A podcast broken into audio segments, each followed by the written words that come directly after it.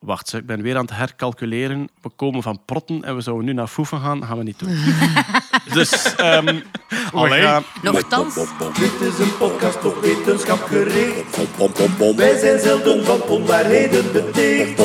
En wij zijn nog nooit voor corruptie gezwicht. Dit is het Nerdland. Maandoverzicht. Met uw gastheer Lieven Scheire. Een goeiedag iedereen, welkom bij alweer een nieuw eh, Nerdland maandoverzicht, de aflevering januari. Wij zitten hier samen op 29 december en wij kijken naar de wetenschapsnieuwsjes die ons zijn opgevallen de voorbije maand. En wij, dat zijn Els Aerts, hallo. Hedy Helswortel, Dag lieven. Jeroen Baert, Gelukkig nieuwjaar. Kurt Beheid Goedemiddag. En ikzelf. En goed, we vliegen er direct in. We gaan niet rond de pot draaien. Dit was wetenschapsnieuws dat eigenlijk all over the place was. ChatGPT is een ja, natural language programma. Dus eigenlijk een chatbot zou je kunnen zeggen. Je stelt daar vragen aan en dat antwoord. We hebben het al gehad over GPT-3. hè, Dus een AI-systeem dat hele vlotte, leesbare teksten kan schrijven. Dat rekening houdt met de context en gelijk wat. ChatGPT is een upgrade daarvan. En ik denk dat het de eerste keer is dat een AI-toepassing zo breed in de mainstream media gekomen is. Op M&M in de ochtendshow hebben ze er van alles mee gedaan. Ze hebben het een interview laten schrijven voor Ben Weitz, wat als Turing-test eh, als Turing-test wel Ben kan... Weitz was gefaald voor de Turing. Ja, voilà, wel kan tellen. En het heeft in alle kranten gestaan. Ik heb, er ook, ik heb er ook over- over opgezocht. Het is van OpenAI, hetzelfde bedrijf dat ook DALI 2 en dus Ja. de, de vorige Oh. GPT online gezet heeft. En het is een, een model dat getraind is op de, de klassieke manier, reinforcement learning. Dus basically, vertel mij iets, goed, niet goed, Ja. pets of, of, of eh, een bank vooruit. met menselijke trainers. Met hè? menselijke trainers, Ja. ja. dat vind ik belangrijk. Dus ze hebben een, een hele hoop conversaties. Sommige conversaties volledig gegenereerd door AI. En dan menselijke trainers als deel van het trainingsproces die gezegd hebben van dit is een natuurlijke manier om te reageren. Dit lijkt nergens op. En ook mensen, menselijke trainers uit voorgedefinieerde antwoorden laten kiezen. Oké, van deze vier antwoorden zou ik eh, beter dat geven. Dus het is ehm, over de jaren heen getraind. Is De- dat uniek, die menselijke Ah, inbreng? Het is, het is gebaseerd op GPT-3. GPT-3 is dus voor, want we zijn er misschien te rap aan het overgaan. GPT-3 is een website op OpenAI.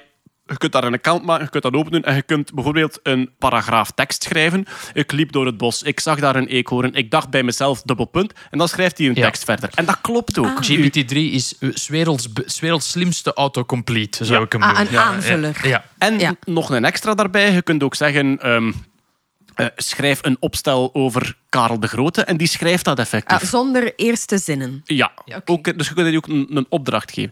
Dat ding is getraind door OpenAI. Ehm ik ben eh, een paar weken terug iets gaan drinken met ehm, Jonas de Graven. Dat is een Belgische onderzoeker bij DeepMind. Dus DeepMind is de grote AI-researcher in Londen. Die eh, onder andere AlphaGo gemaakt hebben en DeepFold, de. Google. AlphaFold. Ehm, DeepMind is gekocht door Google, inderdaad. En OpenAI is de grote in Silicon Valley. Ik denk dat Musk mede-investeerder is. In het begin, uitgetrokken heeft nu. Ah, oké, hij is eruit. Ja. Oké. En dan heb je nog een paar andere... Ja, ik denk dat dat de grote AI-polen zijn. DeepMind en OpenAI. En dan hebben ze nog... Bij Facebook hebben ze nog Kikero. Ja, dat, zijn, dat zijn de Ja. grote commerciële, want er, zijn, Ja. er gebeurt ook heel veel academisch onderzoek. En, Nu, ja. DeepMind is eigenlijk eh, basic research. Hè. Die zijn nog niet commercieel, eh, maar wel eigendom van, van Google. Swat, eh, veel te lange intro. Jonas de Graven was ook bezig over die een GPT-3. En die zegt van ja, we waren zowel bij DeepMind als bij OpenAI waren ze verschillende richtingen aan het uitdenken over hoe dat je het taalmodel beter moest maken. En OpenAI heeft volledig gekozen voor schaalvergroting. Meer woorden, meer knooppunten, meer verbindingen in het neuraal netwerk. En het werkt. Maar dat wisten ze niet op voorhand. Even voor de mensen thuis, wat dat ChatGPT nu eigenlijk is, is gesurfd naar chat.openai.com. Je maakt een account aan en dan kan je chatten met een persoon, maar je kan die dus dingen vragen als schrijf me een gedicht over een draak met de naam Jeroen. Schrijf, je kunt zelfs meer, je kunt zelfs zeggen, schrijf mij een gedicht over een draak met de naam Jeroen in een vijfvoetige eh Jambe. jambe. Eh, schrijf mij een Ja. gedicht in een rapstijl. Je kan die echt heel veel op het eerste zicht creatieve opdrachten geven en daar komt een tekst uit die... Of bijvoorbeeld, ik heb in de week opgezocht, hoe vervang ik de wielen van een Renault Espace? Oké. Ja. En? Eh, je- dat was een redelijk gedetailleerde instructie, die ik dan uiteraard vergeleken heb met de instructies op het internet. En dat, eh, ja, de, de stappen waren correct. De, de, de bandenspanning controleren, waar dat je krik moet zetten. Dat was allemaal redelijk juist. Ja. Ah, wel, dus de, de manier waarop het getraind is, is ze hebben gewoon GPT-3 antwoorden laten geven. En ik denk 4000 menselijke onderzoekers hebben allerlei vragen gesteld en gevraagd: geef mij drie antwoorden. En dan gewoon geklikt: dit is het beste. En dat op repeat gezet. Hè, dus 4000 mensen die telkens van meerdere antwoorden zeggen: dit is het juiste. En dat is uw, ja, uw supervised learning, uw reinforcement learning eigenlijk. Daardoor traint dat systeem zich telkens beter van ah, oké, dit soort antwoord is beter, dus ik stop dat nu in mijn neuraal netwerk, waardoor ik eh, betere antwoorden kan geven. Maar dat is toch... Groot, grote kans dat door wij die het gebruiken nu, zijn we het ook mee aan het trainen. Ah, Want ja. als je een antwoord geeft, Ja. je kunt er eens op een klein vinkje klikken dat zegt van ja, dit antwoord was eigenlijk niet goed. En dan vraagt OpenAI ook van ja, eh, wat was er verkeerd aan het antwoord? Dus Ja. wees maar zeker van dat door het- de gratis spielerij die dat we er nu mee aan het doen zijn, dat we het systeem ook aan het Ja, verbeteren het is zijn. eigenlijk gewoon simpel een duimpje op en een duimpje naar Ja, beneden. voilà. Ik heb nu net een gedicht laten genereren en er staat een raar woord in, dus ik ga het duimpje naar beneden doen. Ja. Maar het, het is hallucinant wat het Ja. kan. Dingen die ik gezien heb waarvan dat je achterover valt en die GPT-3 niet konden, is bijvoorbeeld Explain me quantum mechanics like I'm 12 years old and do it in the style of Snoop Dogg. En dat is een hip-hop tekst op rijm die klopt met deeltjesfysica. Ik heb een, een rapnummer gevraagd over een racistische draak en daar eh, zat een arc in. Er zat een soort van redemption in. Dus die racistische draak, de eerste twee strofen, is hij heel racistisch. Maar dan komt hij een andere draak tegen die hem de error of his ways ziet. dus de, hele verhaalopbouw, die dat je typisch in een, in een klassiek verhaaltje hebt, zat daarin. Dus het, ik was ook wel onder de indruk wat dat mensen met het WK in het aanzicht hadden proberen vragen van hey, wat zou een goede opstelling zijn voor de Rode Duivels. Daar zei hij van, van ja, nee, ik ben maar getraind tot september 2021. Ik heb geen data voor daarachter. Dat is zit er een ook in. Ja. Dat is- Martinez ook. Dat, dat is ook nieuw. Eh, ChatGPT gaat zeggen wat hij niet kan. Ja. In, plaats van, in plaats van iets, zomaar iets te genereren, gaat hij zeggen van ja, ik ben eigenlijk een language model, dit ligt buiten mijn bereik. Ah, ja. ja, ja. Heel, heel, heel opvallend. Eh, er was een beetje een, een ophef. Eh, iemand die vroeg aan ChatGPT: schrijf mij een programma om, als je een lijst krijgt van mensen, hun nationaliteit en hun etniciteit, om uit te zoeken wie er een goede programmeur is. En Ja. ChatGPT braakte een programma, allee, braakte, eh, genereerde een programma waarin stond: basically, ze testen op die lijst: if a person is female, false. Dan kan dat geen goede programmeur zijn. If person is Asian en eh, eh, Asian white, ja, dan, dan kan het wel een goede programmeur zijn. En in het begin kwam daar nog geen notificatie onder, maar ik zie dat ze tegenwoordig een notificatie hebben toegevoegd. Hey, ik ben een language model, ik heb inherente bias. Ja, ja. Ehm, d- dus ik denk ook dat het live, dat wij het aan het testen zijn en dat wij dingen aan het ontdekken zijn Maar- waar dat OpenAI van moet zeggen, oké, dit, dit is Maar, niet... eh, ja, oké. het, is, het is cool, want in eh, chat, ah, de GPT-3 is eigenlijk alleen maar een, een woordpredictiemodel. Dus die, gaat, die, die snapt totaal niet waar het over gaat. Die kan gewoon op basis van heel veel getrainde data en op basis van heel veel contexten die, hij, die jij of hij al bij, bij zich Samenhangende tekst samenhangende maken. tekst maakt door gewoon het volgende woord te voorspellen. En die chat GPT die maakt daar eigenlijk een interactief ding. Die probeert echt zo de context te snappen. Want je kunt ChatGPT ook gewoon vragen om stukjes code te schrijven. En dan zie je dat die effectief in een soort modus gaat. Dat je zo, gelijk elke codeur, dat je zo color coding krijgt en functies krijgt, een andere kleur dan bijvoorbeeld variabelen en zo. En dat hij echt snapt van, hé, er is iemand die code vraagt, ik ga nu JavaScript... En of- toch werkt ChatGPT ook nog altijd met eh, wat is het volgende woord Ja. als, eh, als generatief model. hè. Nu, even... Ik heb de indruk dat het zodanig goed geworden is dat het bedrieglijk wordt. Namelijk, het maakt nog fouten. Ja. Vroeger, als je dingen las over dat soort taalmodellen, dus AI die taal kon genereren, dan werd er gecherrypicked op wat is er gelukt. Hè? Er, er, er stond heel veel onzin tussen en af en toe was er eigenlijk een wonderlijk samenhangende tekst en die werd overal gepost. En nu merkte dat mensen vinden het nieuwswaardiger als die iets fout doet dan als die iets juist doet. En het gevaar zit, denk ik, in als we het te vroeg betrouwen op alles. Dus als we te vroeg zeggen van mijn vorige tien antwoorden waren eigenlijk heel zinnig, ik ga het elfde antwoord blind vertrouwen, dan gaat er nog foutjes Vooral ook hebben. omdat het fouten maakt met een zekere confidence. Het zal Ja, op dezelfde manier... eh, vroeger, als, hij als een AI-systeem fouten dus. maakte, kreeg je rare error output of een zin die grammaticaal nu klopte. Nu krijg je een perfect grammaticaal correcte zin die zegt dat Lyon de hoofdstad van Frankrijk is. Effectief, Bijvoorbeeld. ja, maar la- dat is een niet- goed niet dat- voorbeeld, ja. Dat, dat is nu niet de fout dat hij maakt, maar... Dat de- soort ding, ja. Dat soort dingen die hij echt feitelijk fout heeft, zegt hij ook met de, de confidence van iemand die het al tien keer juist heeft. Ik heb een opstel gevraagd over... Schrijf een opstel over Albert 1. En daar stond met zeer veel vertrouwen in... Overleden bij een vliegtuigongeluk. Ah, voilà. Ja. En dus waarschijnlijk in heel die... Want Die weet meer dan wij. Ja, ja. ja. Die heeft, die heeft nu zo, zit hij zo op het niveau van de doorklap. Alles verkondigen, maar met een zekere... Er was een vliegtuig in La Roche. Maar goed, maar we, we gebruiken woorden als die snapt dat en die redeneert. Dat is niet zo natuurlijk. Hè. Het is een wiskundig trucje.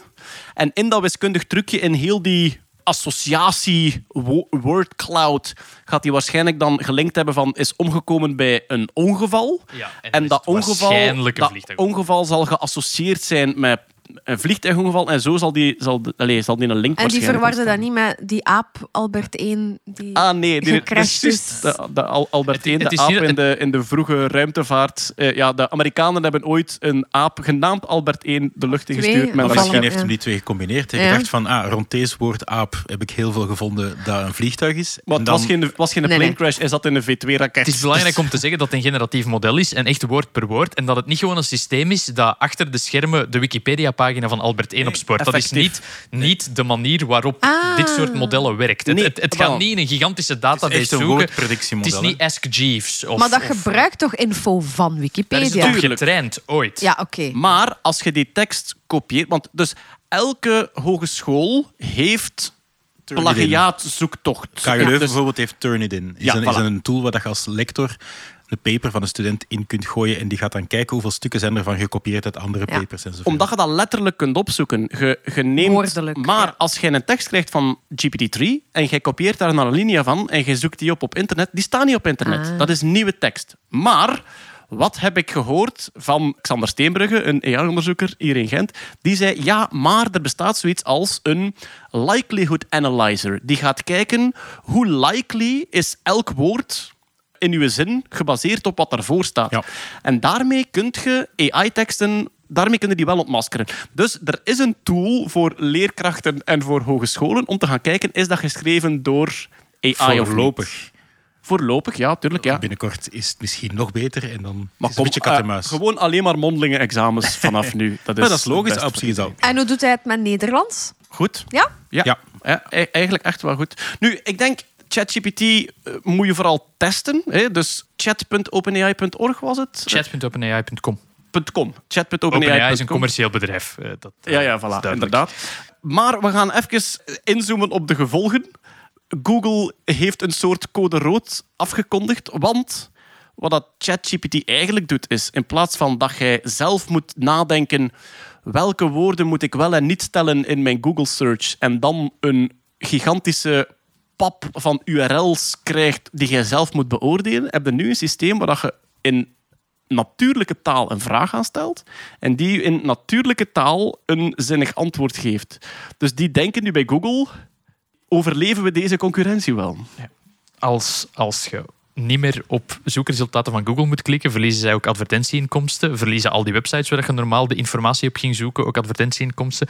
Dus daar zien ze een bedreiging. En blijkbaar in een interne memo heeft Google ook gezegd van ja, wij zouden zo'n systeem ook kunnen publiek stellen, maar wij, in hoeverre dat dan waar is, zeggen van zij zien problemen met eh, het effect dat dat heeft op gebruikers en de eh, samenleving. Zij zien nog altijd te veel ethische problemen om zo'n systeem wijd te verspreiden. Ja, zegt groot- Google intern. Ja, een groot probleem wat ik met Chat OpenAI als researcher heb, is dat je, ja, je hebt geen bronnen.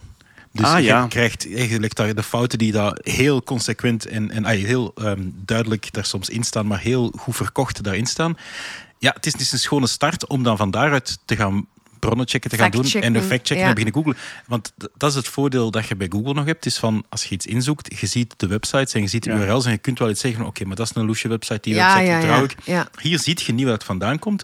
Het is puur een predictie van dit komt gewoon veel voor in heel de dataset die ik getraind, waar En ik nu- op getraind ben. Nu vraag ik mij af, aangezien het zo razendsnel gaat, want het is ongelooflijk hoe snel dat die natural language programma's Mhm. vooruit gaan. Nu vraag ik mij af of dat we niet over een paar maanden bronvermeldingen gaan hebben. Ah, wel, dat, het is dat ik ook denk en hoop. Stel dat er daarbij komt dat je echt zo citations, hè, dat je Ja, zo ja, weet van dit staat. Of dat hij terwijl hij een antwoord. Want ik heb zo'n plugin al gezien die dat eh, ChatGPT gebruikte om dan eigenlijk dat als Google-opdracht te gaan gebruiken. Om dan effectief de websites te gaan binnenhalen. Om te gaan factchecken terwijl dat je je een tekst laat genereren. En dan, ja, dan, zitten, dan heeft Google wel een probleem natuurlijk. Zeg, maar welke grote problemen voor de maatschappij zien zij dan? Om ook mij dat concreet voorstellen? Ehm, Google zegt de reliability van het systeem. Zubin Garamani, die hoofd is van het AI-lab van Google, die zegt van kijk, een cool demoke voor mensen om mee te spelen dat mindblowing aanvoelt, dat is gemakkelijk. Een systeem maken dat reliable is, waar mensen ja. effectief in een business sense, waar dat OpenAI uiteindelijk ook naartoe wil. Ze willen zo'n ChatGPT trainen op, weet ik veel, de customer support van BMW, zodat de customer support van BMW volledig vervangen kan worden. Ik geef maar een voorbeeld, Ja, niet ja. mailen. Geen sponsor. Door, nee, nee, door, door ChatGPT. Spijtig, ik wil anders wel Dus ze een. willen, hyper, ze willen, ze willen hyper... Geen Tesla niet meer. Ze willen, hyper, Nee, ze, ze jawel, willen, ze nee. willen hyperspecifieke toepassingen maken voor die, voor die chatbots. En Google zegt nu ook, de dingen die mensen daar nu aan vragen, zijn eigenlijk zo onschuldig en zo simpel dat de Ja, ja. effecten van het fouten hebben nog niet doorwegen. Maar als dit soort systeem een medische beslissing moet maken of een juridische beslissing, dan zit je in een, een heel ander vaarwater. En dat is wat dat Google Maar dat eerder gaat terughoudendheid... Google nu eh, ook niet doen, medische beslissingen maken. Nee, maar de moment dat je die in een chatbot openzet en je zegt vraag maar wat je wil, hè, dan ehm, de, het soort antwoorden die komen, die, heb, die, heb, die heeft niemand geprogrammeerd. Die zijn getraind op een immense Ja. Word En cloud dat is op het internet. Nieuwe info, tussen Dus- aanhalingstekens. Ja. Het, het moment dat ik vraag eh, hoe is eh, Albert 1 overleden en die zegt een vliegtuigongeluk, niemand heeft dat geprogrammeerd. Niemand kon weten dat hij dat ging zeggen, want dat komt uit in een black box van dat neuraal netwerk. En dat kan voor veel andere dingen ook gebeuren. Dus als jij als jij schrijft hoe vervang ik de banden van mijn Renault Espace en die zegt bind er dynamiet aan en steek de lont aan, dat gaan we doorhebben. Maar andere dingen Ja, misschien subtielere niet. dingen. Dat is waar. Ja, wel, ja, moet- dingen gaan we niet zien. Maar, maar je moet blijven kritisch zijn met wat je terugkrijgt. Maar dat gaat net ook op voor een systeem zonder AI. Als jij googelt en je vindt tien websites die verschillende dingen zeggen, er staat ook waarschijnlijk een Maar website ja, dit binnen... is voor mij Wikipedia all over again. Ja, tien, maar- maar- tien jaar geleden maar- toch, die discussie. we moeten kritisch blijven ervoor. En dat is, Absoluut. dat is volgens mij het gevaar. Het ding is zo confident en zo samenhangend dat uw kritiek wegvalt. Allee, dat, het wordt aan een breed publiek aangeboden en de reflex van uw kritiek valt weg omdat het zo Tuurlijk. natuurlijk en, en die reflex, en die reflex van, van, van het pre-publiek om niet te gaan checken, dat is altijd aanwezig. Want dat is wat dat clickbaits en fake news op Facebook ook zijn op een manier. Hè. Mensen zien iets in hun newsfeed en ze klikken erop en het is direct waar. Dat is bij een deze net hetzelfde. Dus de discussie gaat één op één op. Je moet daar kritisch naar kijken. En vandaar een, een eerste stap zou inderdaad zijn, als er iets of wat citations in staan, of iets of wat bronvermeldingen, zodanig dat je, of gewoon stukken dat je eruit kunt gaan googlen. En dat je, want daar is het wel heel goed in, als je zegt van ja, ik weet ongeveer wat ik wil, en dat je het eigenlijk concreter maakt. Ah ja, het is juist iets met dat dat ik kan gaan googlen. Dan, ah, Als je er kritisch naar kijkt, is dat een hele waardevolle Een andere tool. tegenwerping die ik zou willen maken is energie-efficiënt is het niet om informatie op te zoeken over Albert 1. Je gaat veel minder energie verbruiken door naar de Wikipedia-pagina over Albert 1 te surfen en het uit te lezen. of serverpark elektrisch? Serverpark elektriek. Is echt, ja? Ja, absoluut. Ja, dit model trainen en in stand houden en al die queries op OpenAI, daarom dat DALI nu ook met een soort van creditsysteem werkt. Je krijgt 10 gratis afbeeldingen. Ja. dat je mocht genereren en dan is betalen. Dat kost enorm veel rekenkracht en je zou kunnen zeggen dat naar de toekomst toe een inefficiënte manier van informatie te vergaren, waarvoor we heel veel CO2 in de atmosfeer steken. Nu ben ik op een redelijk hoog filosofisch domein aan het denken erover, dat dat misschien niet de weg voorwaarts is. Het is cool, maar het is geen efficiënte manier om dingen te doen. Goed, er valt zoveel over te zeggen dat we gaan moeten afronden. Yes. We, we- we kunnen hier echt eh, nog een uur over doorgaan. Er is één iets wat Ik er zou nog... er een theatershow over kunnen maken. Ja, wel, maar de- de- Doe het, is een, het is een aspect in mijn theatershow. Ja, en, ook, ja, en ook daar, ja, alleen over dit onderwerp zou dat al inderdaad een volledige show kunnen maken. Wat we daar nog bij moeten zeggen. I- Iedereen is boos op de programmeurs, want ze pakken het werk af van de illustratoren met DALI en ze pakken het werk af van de schrijvers met ChatGPT. En iedereen zegt van, en zelf blijven de programmeurs buiten schot. Is dat wel zo, Kurt? Nee. Je kunt, Ehm, aan, je kunt aan ChatGPT ook vragen om software te Voilà, schrijven. dat heb ik daarnet al gezegd aan ChatGPT. Zo hele simpele algoritmes. Bijvoorbeeld, ik wou een scri- scriptje schrijven dat uit een, een tekst, bepaalde tekst eruit filterde automatisch. Eigenlijk een advanced ehm, regex en met loopjes en toestanden. En ik dacht, goh, ik heb geen zin. En ik heb het ChatGPT laten schrijven. In drie prompts was het geschreven. Maar je moet het wel controleren nog. ik moet het controleren en eigenlijk moet het een beetje zien van, kijk, ik wil... Ik vind het tof om dat te vergelijken met Lego, omdat Lego cool is. Eigenlijk, ik wou een klein kasteeltje bouwen en ik heb ChatGPT drie blokjes laten maken. En ik heb Maar er was niet drie- genoeg plaats en er moesten Lego-mannetjes op straat slapen bij zijn klein kasteeltje. Dark humor, wauw. Dus op die manier ChatGPT. Maar dat is nog maar stapje één. Het probleem is, ah, het is geen probleem, gewoon de evolutie is. eh, we hebben het er net al aangehaald, hè, Google met DeepMind bijvoorbeeld, die in Alpha-series, ik vind dat wel tof, die zeggen AlphaGo en AlphaFold en al. Alpha-series zijn allemaal krachtige AI-systemen die iets kunnen. AlphaGo kan Go spelen, AlphaZero kan alle spelletjes leren, eh, AlphaFold kan eiwitten vouwen enzovoort. Voilà, en nu de nieuwste, ah, niet de nieuwste, maar de volgende telg in de familie is AlphaCode.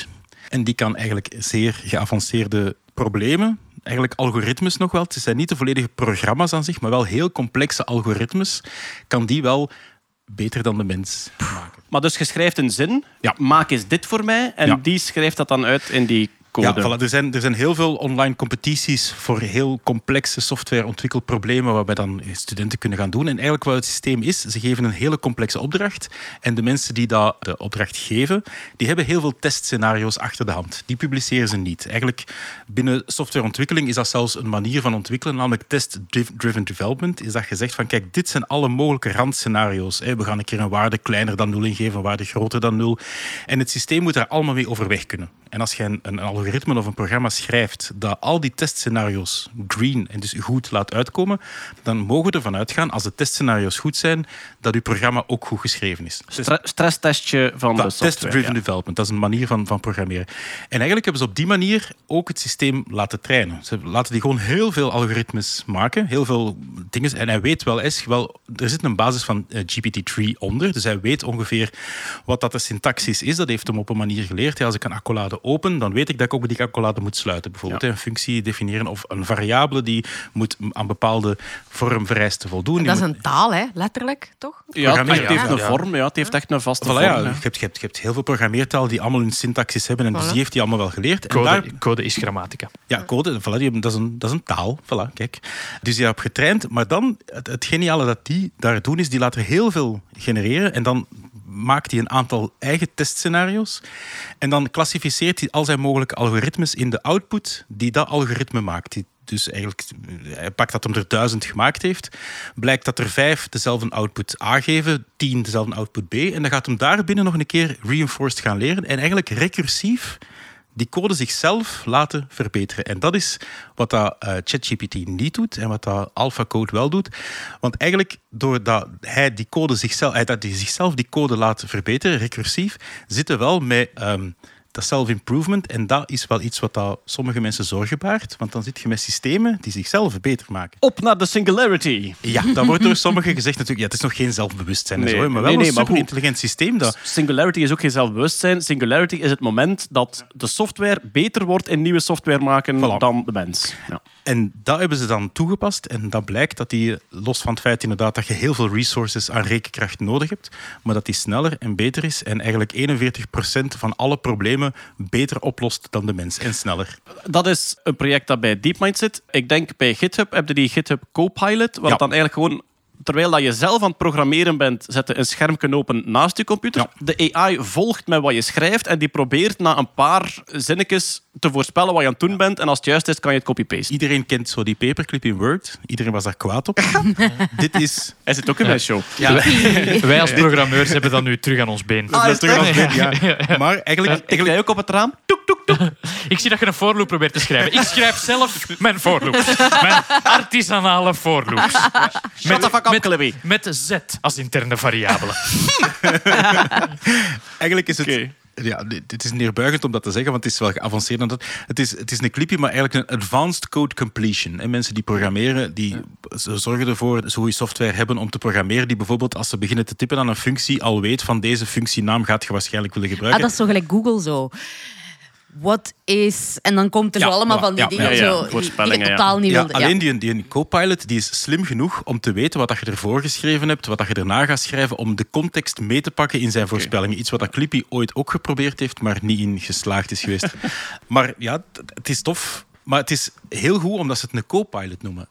Ja, ja. De, de analogie met de Lego-blokjes blijft. Het, het grotere geheel van de, de, de grotere toepassingen en alle randvoorwaarden, dat is voorlopig nog te complex voor een AI-systeem om te vatten. Dat is nog altijd een menselijke tussenstap. Maar in plaats van dat jij iedere lijn code of googelt en dan op Stack Overflow terechtkomt, gelijk elke developer doet, zit je nu wel in je eigen ecosysteem en eigenlijk je hebt het zelf in, onder controle en er zit alsof er iemand naast je zit van hey, bedoel je dit? Op een intelligenter manier dan wat we ervoor gezien hebben. Maar ook dit gaat zo rap vooruit dat we, ja, het AI-nieuws moet je echt bijna wekelijks opvolgen, omdat er altijd nieuwe dingen komen. Dus eh, we gaan zien hoe dat dit ook evolueert, hè. AI die nieuwe software schrijft. Maar ik vind, ja, ik vind dat De best- hele uitleg van Kurt was geschreven door ChatGPT.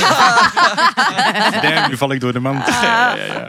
Dat, eh, niet waar dus, hè, was een mopje, hè, want eh, Ja, mensen ja, gaan ja. denken dat dat echt was. was, eh, was niet zo. Misschien moeten we een van de volgende podcasts eens een Iets uitleg door doen. ChatGPT Ja. laten Ja. schrijven en dan raden welke dat was. Maar ik heb er net zo het gedichtje door je laten genereren. Moeten we dat... Het gedichtje ermee laten Je had genereren. er net gezegd dat je ChatGPT een gedichtje zou Ah ja, ja. Maar er zitten wat fouten in. Dan moet het laten. Wat het, het meest indrukwekkende dat ik gezien heb, om, omdat het mijn branche is, dat is humor. Hè? Dus ehm, AI-systemen die humor schrijven, met GPT-3 lukte dat totaal niet. Dat was altijd the chicken cross the road en dan iets onsamenhangend. Ik heb nu iemand gezien die vroeg, schrijf mij de slechtst mogelijke reclamespot voor een auto en Ja. make it sarcastic. En dat werkt. En die, daar stonden zinnen in als... A huge trunk to put all your broken dreams in. En dan dacht ik, hola. Oh, mooi, goed. mooi, mooi. Hola, dat, eh, ja. Maar, maar dat is ook wel een toffe... Want dat je zegt dat softwareontwikkelaars hun job ook bedreigd is. We gaan ons moeten aanpassen sowieso. Maar zelfs AI-ontwikkelaars hun job is bedreigd. Omdat de AI ook AI gaat Thomas ontwikkelen. Winters bijvoorbeeld, allemaal be- Ja. gekend van eh Torfsbot or Not. AI-onderzoeker in Leuven die vooral met taal werkt. Met ja. taal werkt, die zijn een chatbot van Rick Torfs is nu volledig obsolet. Eigenlijk ChatGPT. Ingehaald door, En ja. heeft het volledig voorbijgestreefd. Maar dan heeft hij weer ruimte voor nieuwe dingen te onderzoeken. Hè. Voilà, zeg. Maar een stevig stukje AI, op- wat ook wel moest, want het was groot nieuws de voorbije maand. We gaan naar een ander letterwoord. DNA bijvoorbeeld. Hetty, ik denk dat we ooit in de podcast al het nieuws gebracht hebben. Oudste DNA ooit ontdekt. Dat Ja. was toen een mammoettand Ja. van 1,2 miljoen jaar oud, denk ik. Voilà. Waar dat we dan nog het heerlijke bericht kregen van een luisteraar. Ah, dat is mijn zus die dat ontdekt heeft. ja, dat was echt ja, heel, heel cool. Maar er is nieuw oudste DNA ooit ontdekt. Ja, en het is eh, direct een stevige lap bij op het record. Het is ongeveer 2 miljoen jaar oud, dat DNA. En het, het toffe is, we hebben het hier ook al eens gehad over eh, zogenaamd e-DNA, environmental DNA, omgevings-DNA. Dus dat, dat gewoon overal thee aanplakt en ronddrijft. En, Voilà. ja, voilà. Dus hier ook, in tegenstelling tot het, het vorige oudste DNA dat nog uit een fossiele vondst kwam, Ja. hè, een is dat hier helemaal niet het geval. Dus in Groenland hebben ze ja, in sediment DNA gevonden dat gewoon aan mineraalafzettingen plakte. Ja, dus het zit niet meer in, in een Echt slagtand. een- of Dus in- niet zo, niet zo een klein zoogdier dat in de maag gevallen is Nee, van een zebra die dat in Nee. magma gevallen is. Zo, dat soort Nee. freaky dingen. Maar dus ja. echt zo een, een aardlaag, een archeologische aardlaag van 2 miljoen jaar oud, even afgeschraapt. En dan aan het zoeken zit hier DNA-code Ja, in. inderdaad. En dat dan volledig gemapt, noemen we dat dan. Hè. Gekeken ja, welke fragmentjes komen er overeen met dieren of plantensoorten die we, die we kennen, waar dat we al een, een database voor hebben. En op die manier, en dat vind ik nog maffer daaraan, hebben ze eigenlijk een heel ecosysteem kunnen recreëren. Hebben ze eigenlijk kunnen zien, ah, die plant, die plant, dat wier, dat dier, dat dier. En ze hebben, ze hebben daar ook dan een, een artist impression van gemaakt. Maar en ja, dan zie je dan een, een, een, mooie waterachtige ja, eh, omgeving met bepaalde bomen en bepaalde struiken en bepaalde dieren die daar rondlopen. Dus het is Ja, ja. niet meer echt DNA van één enkele mammoet. Het is gewoon het, het, volledige ecosysteem dat ze daarmee gerecreëerd hebben. En kunnen ze dan ook analyseren van dit zijn planten die we vinden en dit zijn Ja, zoogdieren? ja, Of- en zelfs het is plant van die familie of een dier van die... Ja, maar ja, het is... Het is En is het is dat, is dat partieel DNA dat ze gevonden Ja, hebben? dat ze dingen kunnen... Ja. fragmentjes. En ook dat is al 16 jaar geleden dat ze dat afgeschraapt hebben uit die gesteenten. En Ja. die prof zei, ja, we hebben echt elk jaar bijna geprobeerd van, met, met de nieuwste DNA-technologieën van kunnen we er nu iets uithalen? Nee, nee, nee. En plots, vorig jaar, is dat dan plots wel gelukt, Ja. omdat die technologie zo vooruit gaat. Dus hebben we het nog 16 jaar ouder laten worden. Ja, voor de- de- 2 de- miljoen en 16 headline. jaar. Dus, ja, Groenland was toen een veel warmer klimaat, geen ijskap. Ja, er zijn een paar ijstijden gepasseerd, denk ik, sinds, eh, sinds 2 miljoen jaar. Kun je dat eens even... Waren er toen, is, dat, is dat dinosaurustijd? Wa- wa- Nee. Wanneer zitten we dan? Mastodonten noemen ze dat dan. Dat zijn een Ja, soort dus olifantachtige... De dino's, eh, het dino-tijdperk stopt 66 miljoen jaar geleden. En dan zijn het eigenlijk kleine zoogdieren, kleiner dan een kat, die verder geëvolueerd zijn tot wat we vandaag hebben. En de tussenstappen zijn dan inderdaad zo die wolharige neushoorn en mammoet en mastodon. Ja, de foto die ik zie doet mij denken aan Ice Age. Eh, ja, inderdaad. Ja, en konijntjes en vogels Er is staan een er tijd op, geweest ja. met enkel kleine zoogdieren, want dat klinkt awesome. Ja, ja, ja. Enkel kleine fluffy stuff. Ja, het ding, het ding was dat alles... Eigenlijk bij, bij zo grote wereldwijde rampen, hè, dus zo in immens vulkanische tijdperken of een meteorietinslag, er is een soort vuistregel. Alles groter dan een kat gaat dood.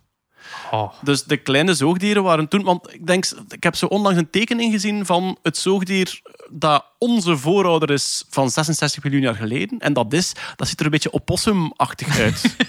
Ja, Een zo, soort van debiele chinchilla. ja, zo'n beetje, beetje kwaad dier. Kwaad dier met hondsdolheid-achtig, eh, denk ik.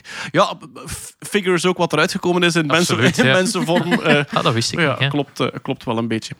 Voilà, kijk, maar eh, ja, een, een miljoen jaar erbij. En ik denk een nieuwe techniek. Een miljoen we- jaar en 16 jaar. Ah, sorry, ja, inderdaad. Maar ik denk een nieuwe techniek die we nog wel gebruikt gaan zien worden. Ja, Een en vooral aardlaag. het leuke is, dat we heel veel meerdere stalen genomen die dan van pakweg 500.000 jaar later zijn of zo. En op die manier kunnen ze ook ja, grote klimaatveranderingen en zo modelleren en kijken ja, welke dieren hebben zich daaraan aangepast, hoe hebben ze dat genetisch gedaan. Dus het is, ja, het is maar het begin en het is heel cool. Ik zou dat bij IMO-kantoren verkopen. Dat, dat je zoals je een grondkop kunt zeggen van ja, maar ja, hoe zag dat er hier 66 miljoen jaar geleden uit? Dat je dan zo'n tableau krijgt van allee, joh, wat moet... En welke konijntjes zaten Ja, er? Alright. Eh, nog een nieuwsje dat redelijk groot opgepikt is in de kranten en de tv was de energiepositieve kernfusie. Ja. Kernfusie is een beetje het, eh, ja, het zusje van de kernsplitsing. Dus in een kernsplitsing worden zware atomen zoals uranium in verschillende kleinere atomen opgesplitst. Er gaat massa verloren, die wordt omgezet in energie. E is mc kwadraat. Ehm, dus daar komt heel veel energie bij vrij. Maar uw brokstukken zijn redelijk divers en radioactief enzovoort. Kernfusie is het samenvoegen van lichte atomen, ehm, eh, waterstofatomen, ja, verschillende isotopen, zwaar water, samengeperst tot helium. En daar is ook een massadefect en daar komt ook energie bij vrij. Dat is hoe de zon haar energie maakt, maar veel moeilijker te maken op aarde. Er is een groot onderzoeksproject in Frankrijk, het ITER-project, waar ze al lang aan aan het bouwen zijn. Nu, er is een andere manier buiten het hete plasma maken, hè, wat dat gebe- gebeurt in die ITER-dingen. Typisch in zo'n torus. Zo Ja. basically een torus waar dat alle wanden elektromagneten zijn. Ja. En je doet de, de, de waterstofbrei, doet je, basically, je maakt het zo heet dat het begint te zweven en plasma wordt. En probeer je die plasma aan te steken en daar netto energie uit te krijgen. Ja. Tokamak is dat? Een tokamak. Tokamak, ja. En je moet of een, een ster, sterrator, sterralator, ik weet het niet. Het klinkt als rollator, Een maar dat is nee. Later. Oma heeft een sterolator. Maar een hele hete. Ah, nee, een sterrollator is zo waar dat hele oude filmsterren mee rond, eh Ja. mee, mee rondschaffelen. Dus de tokamak, het probleem is, om dat te doen zweven, heb je supergekoelde magneten nodig. Dus eigenlijk op een paar meter van elkaar zitten met een temperatuur van, ik denk, miljoenen graden en een temperatuur van min 270. Stellarator. Stellarator, ah ja, voilà. Maar er is een andere techniek. Hoe werkt die? Je neemt een klein bolletje waterstof van de juiste mix en je knalt daar heel kort met immens veel lasers op. Waardoor dat je in een heel klein gebiedje, kleiner dan een millimeter was het, in een heel klein gebiedje kun je die temperatuur van een paar miljoen graden heel kortstondig recreëren. En je hoopt dat... Het ontploft onmiddellijk, hè. dat is gewoon zoveel energie. Maar je hoopt dat het in die ontploffing even tijd heeft om een paar waterstofjes te laten combineren tot helium. Met als gevolg dat je je kernreactie ook hebt, je kernfusiereactie. En wat is er nu voor de eerste keer gelukt om daar een energiepositieve reactie mee te maken? Dus je knalt daar immens veel energie in met die lasers. Wat is de bedoeling? Dat de energie die dan ontstaat meer was dan dat je erin geknald hebt. Want anders eh, kun je er onmogelijk een kerncentrale van bouwen. Maar dat is meer energie dan die lasers. Ja. Het is niet dat er meer energie dan... Want je moet die setup ook nog helemaal... Ah, wel, en Dat dat, is een het goed hele punt. ding. Ah, ja, oké, het is alleen in die laatste Ah, ja, fase dat het Maar wel een stapje energiepositief al in de is. goede Ja, richting, ja, absoluut, absoluut. Nu, ze hebben er groot mee uitgepakt Ja. omdat ze aan het recruiten zijn. Dat werd ook duidelijk in het filmpje. Dus was het een beetje de pers bespelen? Ja, maar het is ook wel iets. Het is conceptueel wel echt iets. Alleen, zoals dat je inderdaad zegt, Kurt, alle energie die nodig is om de setup klaar te zetten enzovoort, is nog vele malen hoger dan wat eruit komt. Dus het is een stap in de richting van een werkende centrale, maar Ze zijn al 50 jaar stapjes aan het zetten in de richting Ze van zeggen een al, ja, elke keer zeggen het is voor over 30 jaar, maar ze zeggen dat ook al 100 jaar. Ja, voilà. Misschien nog het belangrijkste voordeel van kernfusie vermelden. Uw bijproduct is helium en daar hebben we sowieso te weinig van. Ja, Dat wordt in medische apparatuur Ah, ja. gebruikt en zo. Ja, en, geen ballonnetjes. CO2-uitstoot. En eh, Nee, mijn, mijn professor in de fysica zei... En daar gaan de groenen niet kwaad op zijn, want je kunt daar ballonnetjes mee opladen. Oh! Zei hij dat op die stem of zei hij dat op deze stem? Nee, die zei dat in, in die stem. Ik moet er wel bij zeggen, kernfusie is een enorme verbetering tegen kernsplitsing, maar het is geen groen sprookje. Uit die centrale gaat nog altijd radioactief afval komen, alleen veel en veel minder en veel lang langer, levens, ja, ja. Veel, veel langer actief dan die absurde 100.000 jaar van, eh, van eh, vandaag. Oké, wat hebben we nog staan? Ah, prachtig nieuws uit de VUB. Ramon de Koning, onderzoeker aan de VUB, werkt aan de scheetvrije boon. Dus de silicon carne zonder afterburners. Met de technologie. CRISPR! Ah, ja.